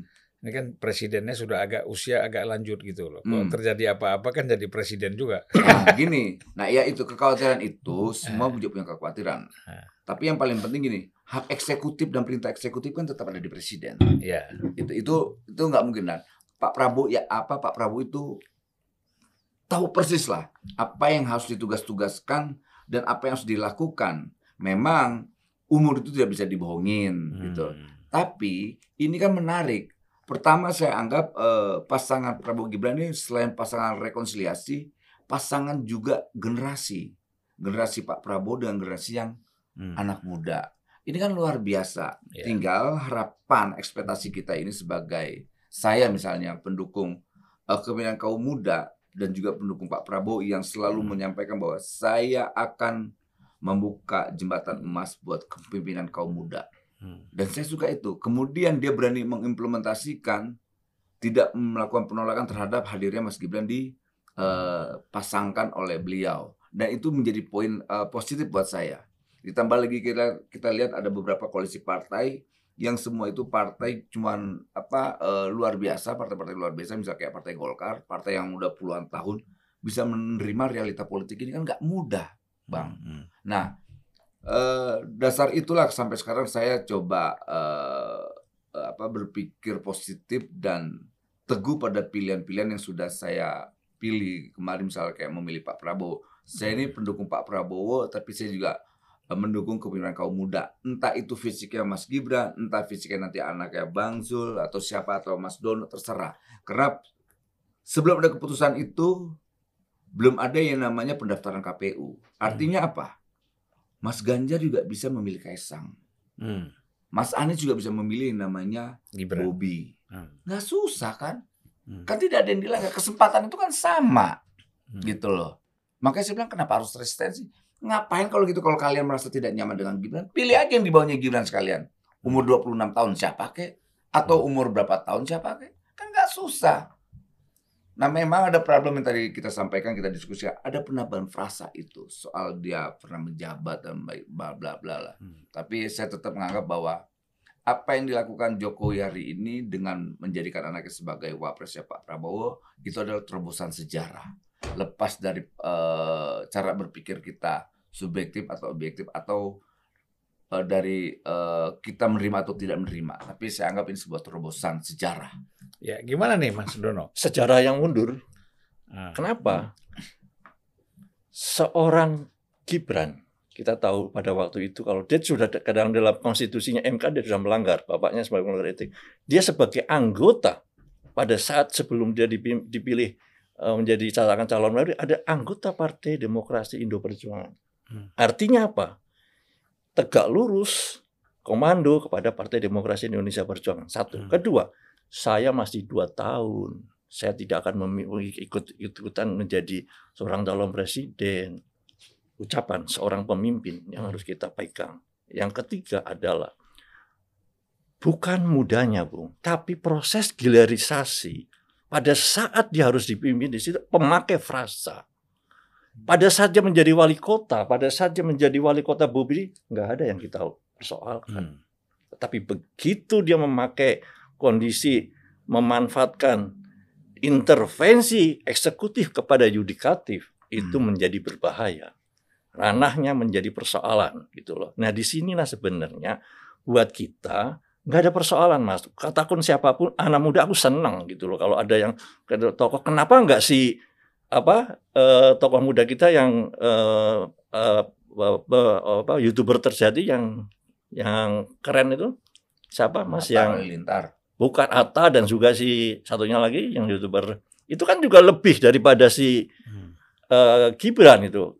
Kenapa tidak pilih itu seperti umpamanya kata mas uh, kalau ngomong begitu. Bukan itu, tapi persoalannya adalah persoalan di mana kalau itu ada prosesnya betul, pers, uh, apanya pemutusannya juga betul, bukan daripada saat katakan aja PDP dan sebagainya dia mundur dulu katakan dia aku, aku mencalonkan ke bagaimana caranya itu sah saja tapi dia ngomong aku belum saatnya. Ada di dalam konteks-konteks seperti itu sehingga menurut saya ini ditabrak seperti itu yang tidak pada tempatnya. Sayang sekali legasi Pak Jokowi yang saya juga sayang Mas dengan Pak Jokowi. Saya kepingin legasi ini sampai tahun 2024 dia mundur dengan smooth. Saya pernah ngomong di sini loh Pak. Itu legasi Pak Jokowi. Tapi dengan kondisi seperti sekarang, demokrasi setback. Dan itu tidak sama ngomong itu. Jurnalis-jurnalis luar negeri juga mau ngomong itu. Yang dulunya dipuja-puja gitu. Hmm. Nah sekarang dipuja-puja dengan ketidakbaikannya seorang jurnalis menulis Sekarang kekuatannya dihujat dihujat gitu itu yang menurut saya sangat sangat disayangkan saya ini sangat yeah. saya dengan Noel dulu pendukung Jokowi gitu loh yeah, yang seperti yeah. itu dari awal dengan mengantar Pak Jokowi sampai hari ini tapi begitu beliau seperti sekarang ini tahu lah Noel juga tahu bahwa ini prosesnya tidak tepat tapi semangat pemuda sama tapi yeah. prosesnya tapi yang begini tidak. Mas Dono ya artinya kita melihat politik ini kan bisa juga dengan rasional. Betul. Ya, semua kan kita melihat dengan rasional. Artinya bahwa dalam situasi-situasi tertentu orang bisa berubah ketika menghadapi kondisi yang berbeda. Betul. Itu yang kita, saya lihat begitu.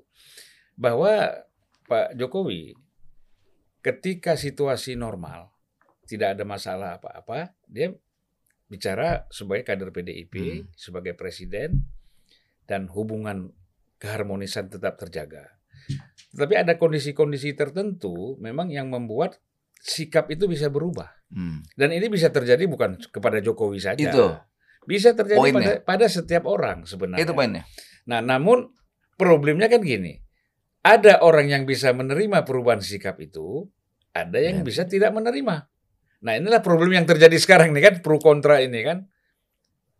Gitu menurut saya, Bu. Oh, kalau dia ngomong betul adalah itu sebenarnya watak aslinya. Orang Jawa harus bilang, satu harus tahu terima kasih dan tahu titi mongsonya kapan ada waktu saya harus berhenti karena hmm. semua ada waktunya. Nah, sebagai orang Jawa, beliau maaf kata tidak mengerti itu itu.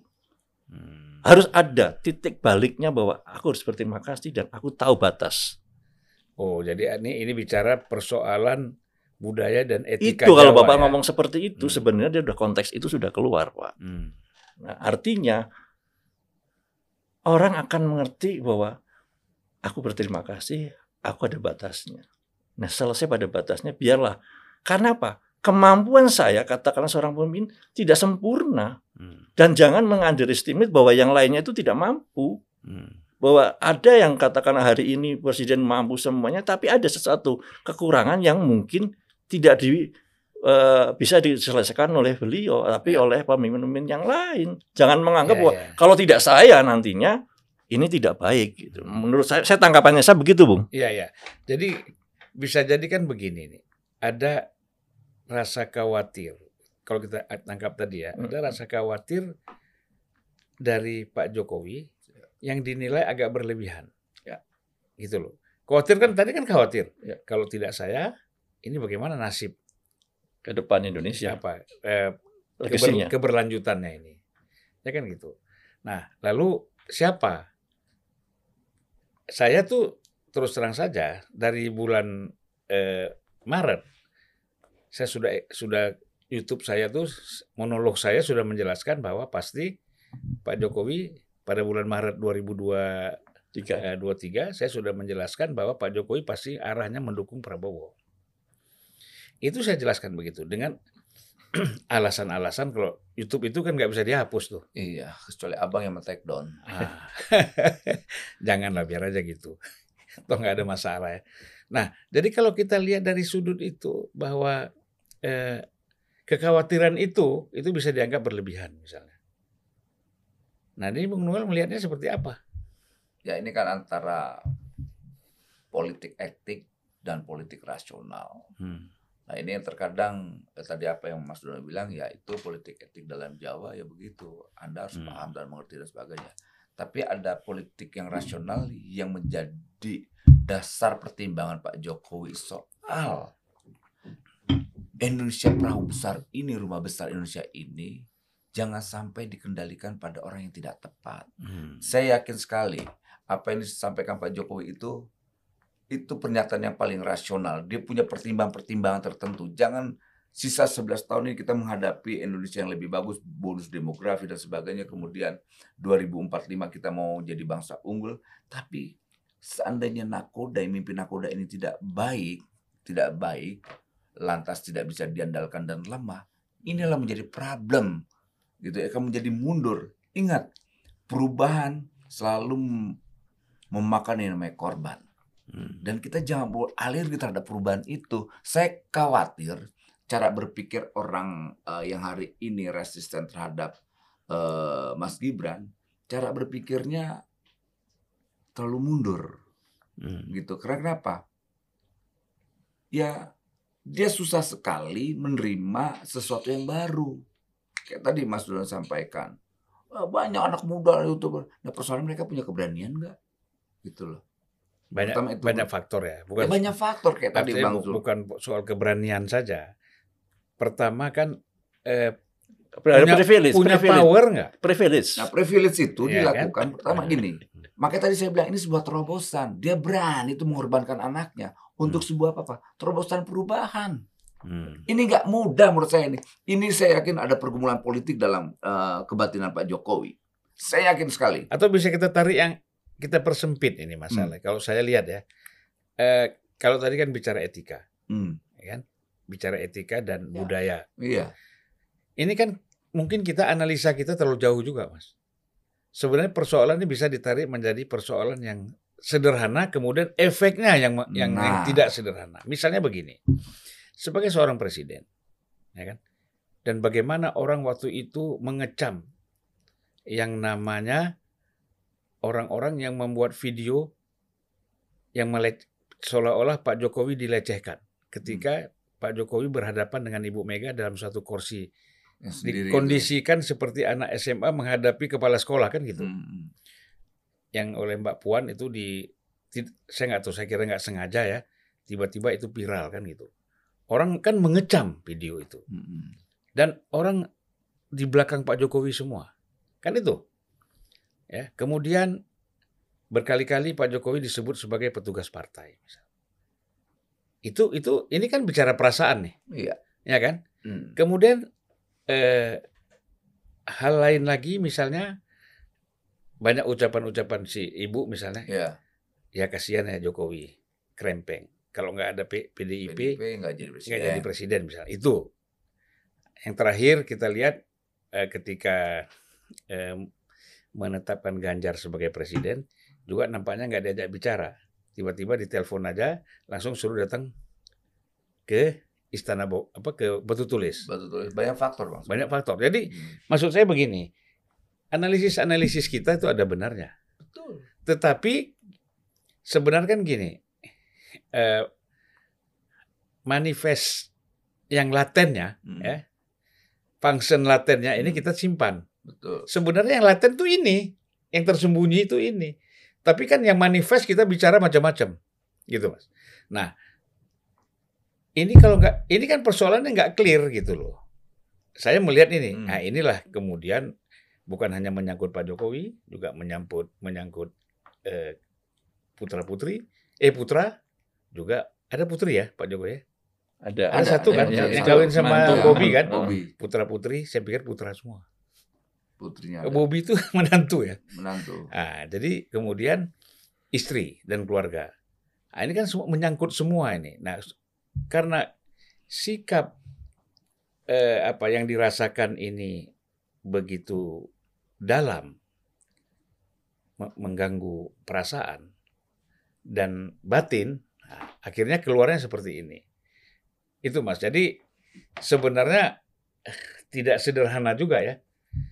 Ya, jadi- banyak faktor lah sebetulnya faktor. kan sebetulnya kalau kita mau runut lagi peristiwa sebelum terjadinya kejadian-kejadian Hmm. ini kan banyak opsi-opsi politik saat itu terkait soal eh, pasangan 2024 nanti Hmm. waktu itu kan ada opsi Prabowo Ganjar yang Hmm. selalu ditolak tolak ditolak ditolak sampai eh, ya saya nggak tahu entah salah atau benar namanya analisa kan bisa salah bisa benar Jokowi berkali-kali memberi kode-kode politik agar ini bisa satu paket. Tapi Hmm. kan ada semacam penolakan, Hmm. penolakan dari eh, PDIP yang kemudian saya nggak tahu dasar penolakan, tapi saya yakin sekali dasar penolakan itu karena ada faktor yang menganggap bahwa elektabilitas Mas Ganjar saat itu tinggi. Akhirnya ada semacam rasa kepedean. Nah Pak Jokowi kan berharap sudahlah. Pak Jokowi ini melihat bahwa PDIP, Bu Mega itu punya hutang sejarah terhadap Pak Prabowo. Ayo Hmm. bayar dong, gitu. Hutang sejarah yang mana? Batu tulis. Hmm. Dari batu tulis juga dari sejarah itu dan lahir juga dari batu tulis juga dan Jokowi menjawab dari batu tulis juga. Saya akan menyelesaikan hutang sejarah Bu Mega. Harusnya ambil positifnya dong, gitu. Jadi enak kita. Dan Pak Jokowi masang badan buat Bu Mega hari ini. Itu orang yang lupa terhadap hal itu sejarah apa itu. itu misalnya? Loh, 2000 berapa itu yang Bu Me- 2000 berapa itu yang batu tulis? Hmm. bahwa di di poin berapa itu no- 8 atau berapa bahwa Mega akan mendukung Pak Prabowo sebagai presiden. Oh. Dari batu tulis loh, itu Iya, perjanjian iya. batu tulis. Hmm. Kemudian lahir lagi perjanjian batu tulis baru yang mendeklarasikan Ganjar. Dan dari deklarasi batu tulis juga Jokowi menjawab. Makanya jangan baperan dong. Jangan membuat sandiwara dong. Jangan drakor dong. Kan ini Hmm. rentetan peristiwa, Pak. Jadi jangan kita jadi anti sejarah, ahistoris gitu. Ini tidak baik. Jadi kalau melihat sesuatu itu ya utuh, jangan parsial. Hmm. Jadi runtutan peristiwanya ada.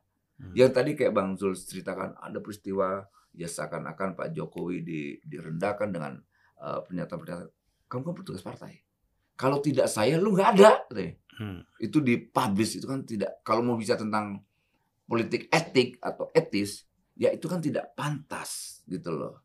Apalagi kita lihat bahwa PDIP kan partai besar. Dia akan menyampaikan hal yang besar. Kemudian ini partai ideologis, bicara hal-hal yang ideologis gitu loh. Makanya saya lihat ini tidak tidak apa tidak bagus buat buat bangsa ini ke depan. Ya akhirnya ya terjadi seperti ini. Jangan marah dong. Kalau kita marah ya ya jadi tidak bagus. Masa energi bangsa ini harus diisi oleh marah-marah lantas hasrat yang yang emosional. Saya lihat nih hasrat yang emosional hari ini dipertontonkan oleh para elit yang tidak ingin bangsa ini maju lebih ke depan lebih cepat. Pak Jokowi kan pengen dia sangat rasional orang ini, Hmm. sangat rasional. Bangsa ini harus maju ke depan, tidak bisa tidak. Kita hanya sisa 11 tahun untuk bagaimana mendapatkan target-target yang harus kita capai. Bonus demografi. ya. Bonus demografis itu. Mau Ya. menganggur nih anak-anak muda yang 54% ini sebagai penentu kemenangan siapa pun capresnya. Ada yang bicara tentang anak muda. Oh saya berpihak. Berpihak yang mana? Cuma sebagai slogan. Baru dilahirkan eh, Gibran aja udah pada panik. Saya maaf Hmm. Bang Zul sekali lagi. Saya melihat ada semacam ada analogi sederhana gini. Di sana itu ada orang-orang kesurupan di pinggir jalan yang hari ini teriak-teriak, nimpuk-nimpuk kerjaannya, mengorkestrasi sesuatu yang namanya orang gila ya kan Hmm. orang gila kan nggak rasional gitu Hmm. loh. Saya menganalogikan orang yang hari ini coba resisten terhadap pasangan Prabowo Gibran itu seperti orang gila. Tapi begini ya, kalau saya kita bicara PDIP dari sisi, sisi ketua umum ya Mbak Mega, saya kira melihat persoalan ini agak dengan dengan senyum juga, dengan sejuk ya. Bu Mega itu udah terlatih lah. Ya, dia tidak mengeluarkan satu statement-statement yang katakanlah yang membuat suasana ini semakin panas gitu loh. Termasuk sebenarnya eh, calon presiden dan calon wakil presiden Ganjar dan Pak Mahfud misalnya. Tapi kan persoalannya kan ada lingkaran-lingkaran elit partai yang memang kadang-kadang eh, tidak siap Dan mengeskalasi, Bang. menerima kondisi ini. mengeskalasi. Hmm. Misalnya kayak Asto, saya itu Asto tuh. Hmm. Asto kan selalu mengeskalasi. Ber- ber- Beberapa kali kita lihat pernyataan-pernyataan politiknya bukan malah membuat situasi politik ini eh, apa eh, semakin baik malah mengeskalasi politik itu semakin tidak bagus. Ya tapi kan Mas Ya. Dono ya, si Eh, gimana Mas Dono? ya. Kalau kita ngomongin soal nahkoda ataupun kapal besar itu Pak Jokowi ke sana, tahun 2014 kalau nahkoda kapal besar Republik Indonesia itu yang bisa memimpin adalah Prabowo 2014 saya pilih. Ya. Noel juga kan.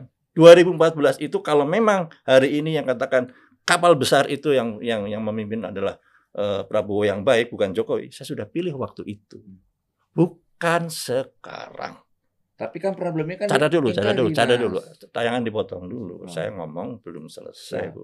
Ya kan. Santai, santai. Sa- ya, san- aku santai kok, aku santai. Ini ini ini supaya ada ada satu Iya iya. eh, penekanan gitu Supaya loh. eh, ketemu ini Ya, ya kan. ada penekanan Ya. gitu, ada penekanan di situ bahwa kedua kita bandingkan pada saat kenegarawan Ibu Mega dengan Pak Jokowi. Hmm. Saat 2013 teriak-teriak untuk bisa ditampilkan supaya Pak Jokowi menjadi calon presiden. Hmm. Padahal saat itu Ibu Megawati bisa menunjukkan dirinya untuk jadi Calon, ya. presiden.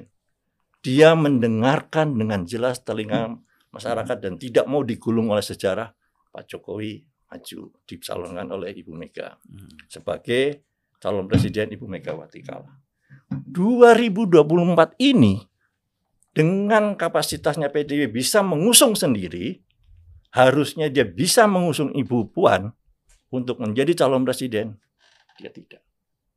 Dia keluar dari gelanggang, mendengarkan aspirasi masyarakat, majulah dia sebagai eh, Pak, Jok- eh, Pak Ganjar sebagai Ganjar. calon presiden. Pak Jokowi, anaknya dalam satu putaran cawapres aja dalam elektabilitas nggak ada, Hmm. suaranya nggak ada. Karena dia punya kekuasaan, punya power, masuk. Masyarakat akan bisa menilai siapakah sebenarnya negarawan. Kenapa Golkar, PAN dan sebagainya aja terikat, Pak. Bukan karena lego. Seorang Golkar dengan munasnya, saya tahu sendiri dari Nusron, Hmm. harusnya ketum ini menjadi Capres, capres cawapres. ataupun cawapres. Itu mandat amanatnya. Iya, betul. Tapi dalam kondisi sekarang ini, Bapak tahu lah, Bung juga tahu lah, ikatan apa kenapa dia ada di sana padahal tadinya juga udah mau ke Gol ke PDIP. Hmm. Jadi Bung, seperti itu. Kita di bawah nggak ada persoalan, siapa pun yang jadi presiden. Tapi yang jelas kaum nasionalis hari ini terpecah. Hmm. Itu yang saya sangat sedih. Takutnya adalah paham-paham ideologi yang lainnya bukan nasional akan yang masuk. Mereka sekarang teriak, ter- tepuk tangan. Di belakang itu dia tinggal menunggu waktu nih. Biasanya orang-orang 212 itu sudah masuk Pak, demo-demo Pak hari. Hmm. Hari ini enggak. Ke mana? Karena kita sedang dipecah. Nah sayang sekali aktor ya Bang, drakornya itu ada di kubunya beliau. Sayang menurut saya gitu. Seperti itu yang saya menganggap bahwa hari ini kenapa kita menjadi sedih. Sedih. Sebenarnya nggak siapa pun kalau Prabowo menang secara jenderal saya akui nggak ada persoalan gitu loh. Tapi mekanisme hari ini intervensi penguasa kepada edukatif itu yang menurut dada buat saya. Hmm. Itu. Ya gini, tadi kan Hmm. Mas Dulu cerita soal sejarah 2013, Mm-mm. bagaimana beliau coba eh, memberi semacam eh, masukan dengan cara-cara beliau lah ya. Ya sekarang Mas Dono udah punya kesalahan besar juga, punya kontribusi sejarah yang besar Hmm. dalam proses sejarah ini. Ya beliau harus bertanggung jawab tuh. Gitu. Saya sudah, Bung. Bertanggung ngomong jawab. Gitu. Dengan- Iya dong, tadi kan dia bilang saya ini ngedukung Pak Jokowi 2013. Nah sekarang tanggung tuh. Hmm. gitu harus bertanggung jawab tuh Iya. kalau saya sih fokus saya yang penting bangsa ini berjalan dengan tracknya Hmm. kalau Mas Dono ini kan ya Mas Dono tahu lah ya kan nggak mungkin kita sebagai aktivis pada tahu latar belakang masing-masing kalau saya ini udah pernah dikomuniskin di era Orde Baru dianiaya. Di era Jokowi saya ditaruhin tuh Hmm. Bang Zul tahu ya kan? Cuman satu harapan saya sama anak bangsa ini jangan main fitnah karena soal pandangan politik. Jujur Hmm. kalau tadi yang disampaikan kelompok-kelompok 212 ingat kelompok nasionalis yang radikal itu lebih bahaya sama bahayanya dengan kelompok fundamentalis agama. Ingat mas maksud saya beradil kita dalam berpikir itu lebih baik daripada kita coba membangun stigma-stigma baru lagi yang akhirnya apa kita tidak pernah bisa menatap masa depan kita ke depan karena kita hanya sibuk pada persoalan-persoalan kecil itu selain itu pada kepolisian, penegak hukum, tapi apa? Fokus kita sebagai anak bangsa, kader bangsa, tetap pada kerangka ideologi yang sudah kita sepakati ya Pak Pancasila. Ayo bicara tentang persatuan, kesejahteraan, keadilan itu yang lebih penting daripada kita beda pandangan, hukum mati, beda pandangan, tangkap. Eh sekarang belum dia apain aja sudah membawa orkestrasi, kami diintimidasi. Itu tidak adil juga. Cengeng saya anggap. Ini partai-partai besar, partai sudah terlatih. Tapi kenapa perilakunya seakan-akan tidak menunjukkan dia sebagai partai besar? Gini mas, kita coba bicara tentang hal yang substansi. Bung Karno itu sering menyampaikan, jas merah, jangan lupakan sejarah. Bahkan disampaikan dalam pidatonya apa? Siapkan aku 10 anak muda, akan aku guncang dunia ini. Satu anak muda yang sudah lahir hari ini adalah Mas Gibran. Kita secara politik susah menolak realita itu karena ada sebuah keputusan Hmm. gitu loh. Lepas suka atau tidak suka ya kan? Tapi itu sebu- sebuah keputusan. Boleh kita marah. Marah itu tidak salah. Mengkritik itu juga tidak Saya salah. tidak marah. Yang saya gelisah, khawatirkan. Oke, gelisah. eh, jangan nggak Gelisah apa-apa. loh. Resah dan gelisah. Betul. Resah dan Betul. marah tidak lo ya? Benar. Oke, anggapnya Kalau gelisah. marah saya ke MK tak bakar itu loh. Tidak. Ya, ya. Oke, anggapnya gelisah. Itu juga bagian dari sikap kritis yang timbul dari Mas Dono karena beliau kan aktivis. Dia marah dengan realita. Oke, aku anggap bilangnya marah lah Mas ya. Biar nggak maksud eh, dalam pengertian yang salah gitu. Kok orang yang saya dukung, orang yang saya harapkan supaya legasinya nanti ketika beliau eh, sudah tidak memimpin men, apa me- mewariskan sesuatu yang baik. Ya susah juga. Ini kan ada tuntutan sejarah yang nggak bisa kita pungkiri. Puluhan tahun loh, anak muda tidak pernah diberi ruang untuk memimpin bangsa ini pada level yang tertinggi. Yaitu apa? Menjadi presiden dan wakil presiden. Yang adanya slogan. Bahkan selama ini maaf, Bang Zul, saya tidak tahu ternyata ada batasan 40 tahun tuh. Setahu saya, saya pikir karena anggota DPR RI bisa umur 20 sekian, sekian, sekian bahkan pada level yang lain juga boleh. Eh ternyata ada gitu loh. Dan ini kan kejahatan politik. Kejahatan politik yang dilakukan oleh apa? Para politisi korup, polisi tua yang korup. Kita harus marah soal itu, Bang. Mas Dono dan Bang Zul. Jadi saya tidak bermaksud dan- untuk eh, apa? Eh, saya kira begini ya, orang kan persoalan Gibran ini kita lihat secara bertahap bisa menerima secara rasional. Ya. Anak muda kan gitu. Betul. Tapi yang dipersoalkan kan prosesnya. Gitu loh, proses. Nah, proses inilah sekarang sehingga lahirlah pikiran-pikiran sampai kepada yang yang il- yang akademik sampai yang non akademik misalnya. Betul. Yang akademik apa? Misalnya pendekatan ada satu orang tuh menulis di Tempo misalnya ini adalah pendekatan yang dilakukan upaya intervensi terhadap MK misalnya ini dianggap sebagai eh, model Machiavelli Jawa misalnya. Ya kan itu kan Ya. ini kan ini kan muncul. Ini kalau udah ngomong teori Machiavelli, ini Orang Jawa ya. Nah, Orang Raton. versi Jawa. versi Jawa, ya kan? Nah, padahal kan sebenarnya nggak ya kita nggak tahu relevan atau tidak ya. Ya. Tetapi kan yang namanya orang mempunyai ide, gagasan, melihat situasi ini kan mencari suatu hal yang memang apa yang paling tepat digunakan sehingga kalau orang kan bicara Machiavelli biasa, Hmm. ah Machiavelli Tetapi kalau ini Machiavellis Jawa, apalagi ini kan barang baru lagi kan gitu. Ini Sehingga istilah baru nih. istilah baru. Istilah baru. Nah, tapi sudah di launching di media, kemudian su- sudah juga menjadi beberapa pihak Hmm, kalangan udah menjadi pembahasan Iya. yang juga cukup Hmm, eh, menarik. Tapi itu kan harus dibuktikan. Iya. Ke- Kembali lagi kan itu kan ada ada tesis namanya kan. Betul. Nah, dibuktikannya dengan antitesis benar atau tidak Iya. pikiran-pikiran seperti itu. Nah, jadi eh, persoalan anak muda ini sebenarnya ini kan udah selesai. Siapa pun kita lah. Hmm, Di, du- a- ada di mana kemarin itu? Ekuador. Ekuador 35, 35 tahun. tahun. 35 tahun. Bapaknya pedagang, Pedagang pisang, pisang. gitu kan. Nah ini juga pedagang pisang nih, Ini pedagang pisang. anaknya. Ya bapaknya kan pedagang mebel dulu, Iya, pedagang mebel. ya kan? Betul. Eh, betul. Hanya berhasil dua kali menjadi Presiden. presiden di sana berkali-kali ikut capres nggak pernah menang. Gagal anaknya. Nah, iya kan? Hmm. Gagal. Anaknya yang berhasil.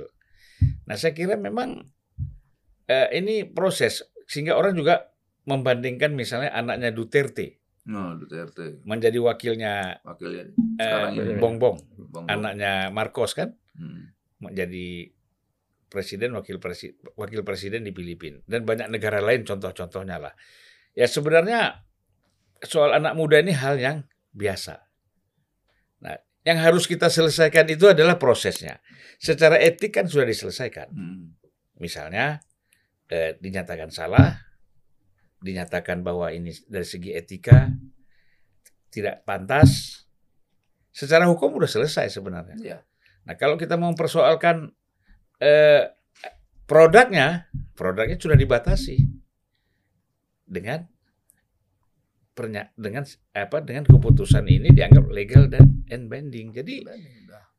jadi Iya. sudah apa maksudnya sudah final ya, Mm-mm. sehingga tidak tidak usah menjadi perdebatan lagi. Apalagi yang kita mau perdebatkan. selesai ini persoalannya. Jadi persoalannya sekarang memang pertarungannya menurut saya kan, ini kan tempatnya pindah Hmm. dari ranah hukum sekarang pindah ke ranah politik. Sebelum masuk masuk ke ranah politik kan ranah perdebatan dulu di mana-mana nih. Termasuk kita di sini kan mendiskusikan itu Ya. kan.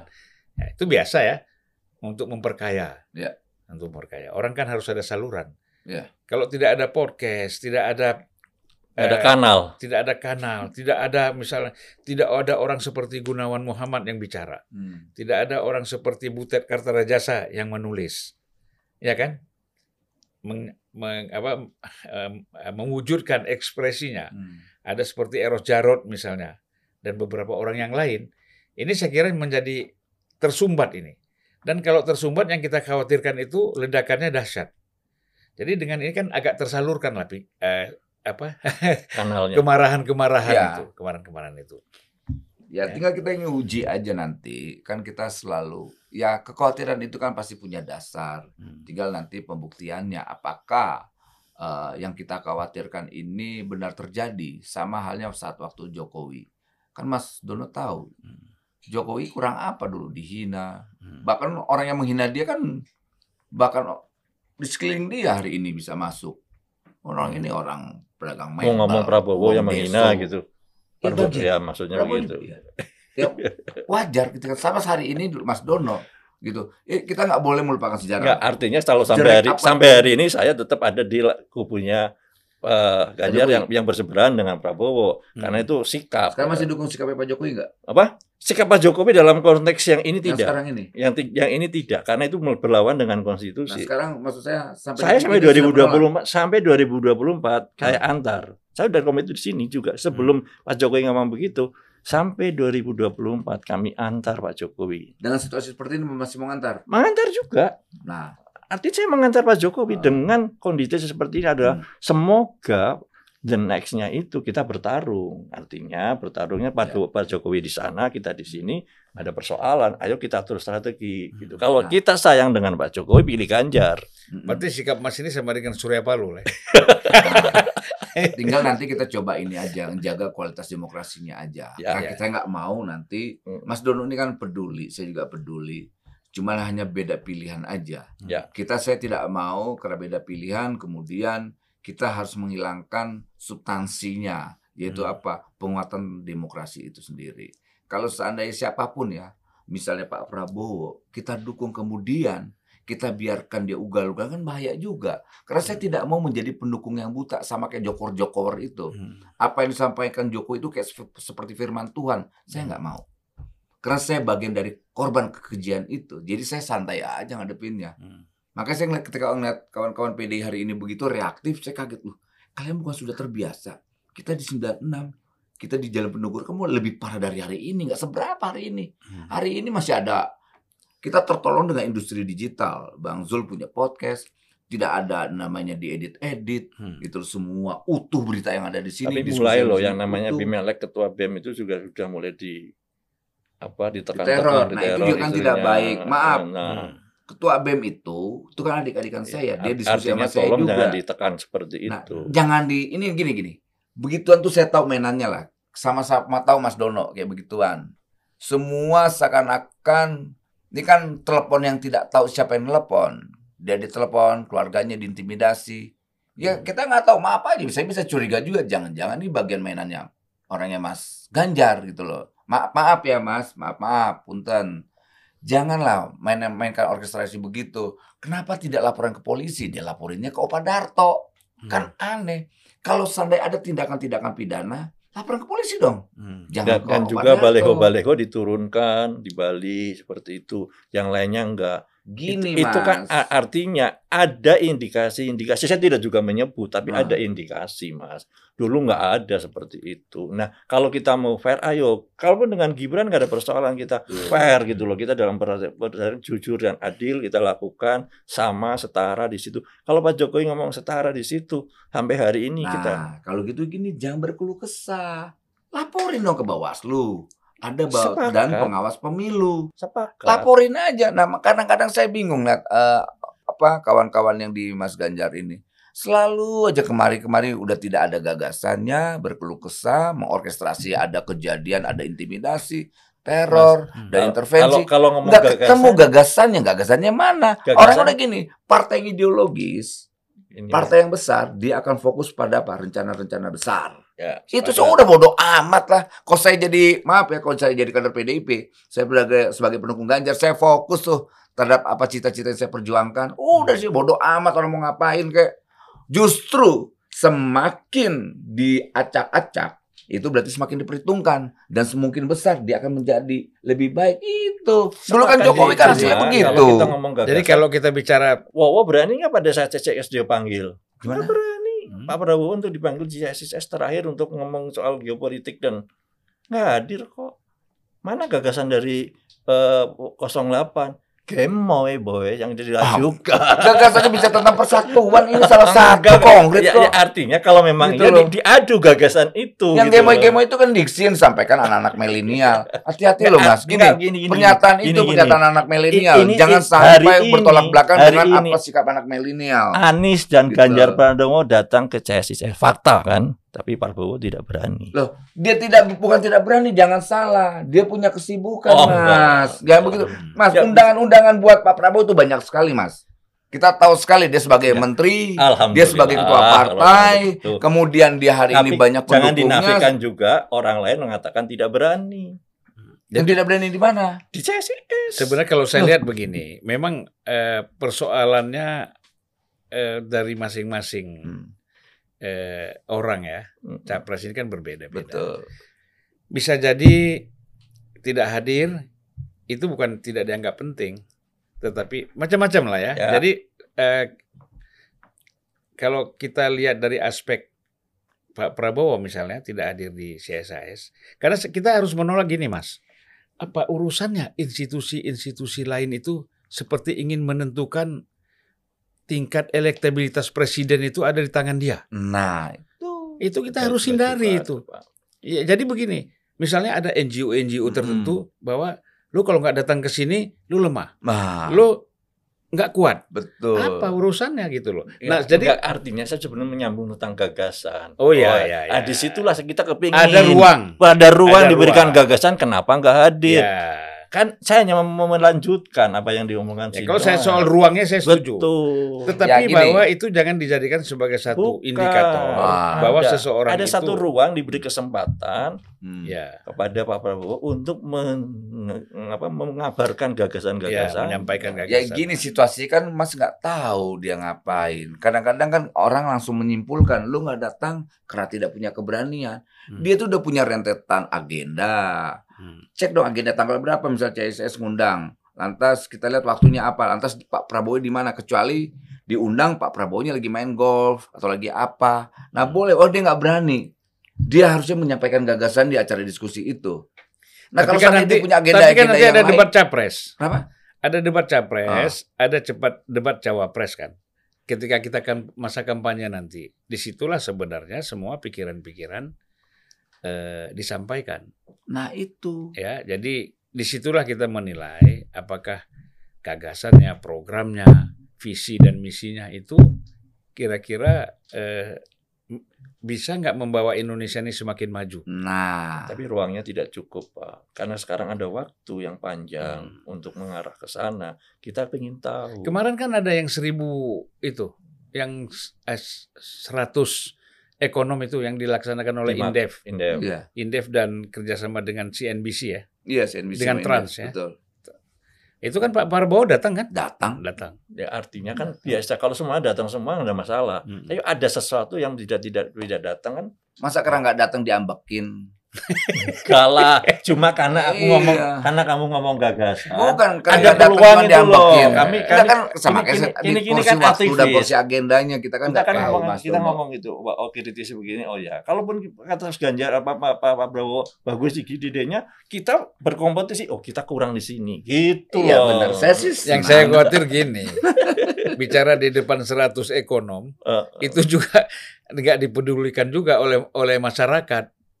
Terlepas Karena- Pak tapi, tapi Ya tetap artinya kan begini, ya itu itu penting. penting. Itu penting untuk menguji, kan? untuk menguji pikiran gagasan itu di hadapan para kaum intelektual, para ekonom itu itu kita setuju. Tetapi yang kita khawatirkan karena orang ini, apalagi kita bicara misalnya milenial, konsentrasi dan fokus orang kan tidak ke situ. Betul. Nah akhirnya jangan sampai forum-forum seperti ini, yang forum mulia ini, yang sangat berkualitas itu menjadi sia-sia. Itu yang kita khawatirkan. Ya. Nah, mak, Setuju. nah, Makanya forum-forum seperti itu ya memang, Mbak, dalam arti enggak artinya begini. Forum-forum itu di mana-mana orang yang memang kritis itu kan memang tidak banyak. ya Ruang-ruang seperti itu juga tidak banyak, Hmm. tapi snowballnya itu yang luar biasa. Paling tidak luar juga tahu oh kapasitas seorang seperti ini. Memang yang bawa-bawa nggak pernah nggak perlu. Yang penting sandang pangan papan gitu Hmm. loh. Tapi bagi kita untuk mengerti tentang ada satu lagi mas, sandang, pangan, papan, kafan. nggak mau ikut akhir. Loh iya kan? Iya. Sekarang kan orang mau meninggalkan kafan juga mahal loh. Mahal. Ah, ah. Sampai kuburan juga mahal sekarang. Kuburan-kuburannya mahal bukan kain kafannya. Yang di sana mah miliaran. Ah. Iya. Mungkin kita sampai kepada closing statement ya. Siap. Nah, saya kira udah banyak sekali yang kita sampaikan dan Tapi saya senang loh hari ini sama Noel. Lama nggak ketemu. ini saya bela loh. Iya, Kan- Kita walaupun beda pilihan, beda pandangan kan nggak gini. Kesetiaan itu nggak mesti harus eh, didasari oleh kesamaan pandangan. Hmm. Kesetiaan itu juga harus lahir dari apa? Sebuah perbedaan pandangan. Ya. Closing statement ya. Oke, semoga ke depan nanti kita mendapatkan sebuah pemimpin ya. Saya tidak terlalu sibuk dengan hal-hal yang tidak substansial, Bang. Walaupun Hmm. ada kegelisahan oleh eh, kawan-kawan saya, misalnya Mas Dono dan semua. Tapi kan kita berharap 2024 nanti ada sebuah terobosan eh, atau harapan yang bisa benar-benar menjalan menakodai besar ini Hmm. Dengan tentengkan masa depan. Kita tidak mau bicara tentang bagaimana berkuasa di 2024, tapi kita coba di 2024 itu harus menjadi sebuah harapan bersama. Makanya semoga 2024 nanti Indonesia ini dijalankan demokrasi dengan riang gembira. Apalagi Pak Prabowo selalu menyampaikan, Mas Ganjar itu sahabat saya, dia merah putih. Begitu juga Mas Anies, dia merah putih. Bu Mega itu kayak kakak saya. Jadi apa masalahnya? Kita sama-sama merah putih. Udahlah kita kita bicara tentang masa depan bangsa ini dengan caranya masing-masing, dengan gagasannya masing-masing, tapi tetap di bawah bendera merah putih. Itu. Ya, jadi eh, sebenarnya kan yang ada hal-hal yang dikhawatirkan, Wajar, Bang. ya. Wajar, Bang. Kekhawatiran itu wajar. Gitu. Artinya kan begini, eh, berkaitan dengan kebocoran-kebocoran anggaran di negara kita ini. Nah, itu Itu dong. jangan kita- sampai jangan sampai itu semakin nanti tidak ada perubahan. kebocoran anggaran. Coba kita kalau mau fight lagi, undang-undang perampasan aset itu kan menarik. Hmm. Jadi jangan kita sibuk persoalan MK-MK. Di sisi lain ada produk undang-undang yang bagus, kita diam, tutup mata. Tuntut itu, ada siapa aja. Ada berapa anggota Dewan PDIP. Terima itu, undang-undang perampasan aset atau undang-undang pembuktian terbalik. Itu lebih Padahal maju. Kan sudah ada, tapi kan nggak pernah disahkan. Nah, problemnya kan di situ. Nah, kita harus marah pada perusahaan itu, Bang, gitu loh. Kenapa sama yang ini marah, emang itu diam. Kan lucu. Kekuatan Mas Dono ini harus lebih progresif, Mas. Gitu, Kang Mas. Baik Mas, silakan Mas. Ya, Kita beri kebebasan untuk Mas Dono mengekspresikan bukan kemarahan, Kegelisahannya. ah, kegelisahannya bukan kemarahan. Nggak marah, dia nggak mau bilang marah. Gelisah. Gelisah. gini loh, eh, pemilu mestinya harus kita junjung bahwa itu permainan yang fair karena ada banyak eh, wasit-wasit yang netral di situ. Iya. Nah, saya kepingin pemilu itu juga menjadi jurdil demokratis untuk mengantar Pak Jokowi sampai ke 2024 Hmm. dengan baik. Jadi saya kepingin demokrasi ini jangan sampai aparatur baik itu militer, polisi maupun ASN ber- ber- ber- campur tangan ada di sana. Biarkan ini bergerak dengan Hmm. eh, apa jalannya masing-masing, sudah ada wasitnya, sudah kita percayakan ke sana. Yang kedua bahwa kemenangan Ganjar sudah terasa di, di, di kulit. Artinya apa? Kalau lawan dengan Pak Prabowo Gibran nggak ada persoalan buat kita. Enggak bukan bukan Gibran. Dukung ya? Dukung. Wah, ini Ar- nih. artinya Pendukung Ganjar yang dukung Prabowo Gibran. Keren. artinya kita bertarung secara fair. Ya. Cuma mekanisme itu kan diskusi kita, bukan Betul. pada saat bukan pada saat putusannya. Cuma diskusi kita pada hari ini adalah bagaimana putusan itu kita me- mewacanakan dan berdiskusi. Kalau sudah diputuskan ya mari kita berjuang secara fair di sana. Ya. Betul. Setuju, Mas. Dengan masing-masing program dan Ya, kekuatan betul. yang dibangun di tengah-tengah masyarakat ya. Ya. Terima kasih Bung eh, Eben, Siap, Bang. Kemudian- Bang. Mas Dono. Terima kasih Bang Zul. Sampai kita jumpa lagi di eh, dalam situasi yang berbeda. Amin. Oke, terima kasih. Siap.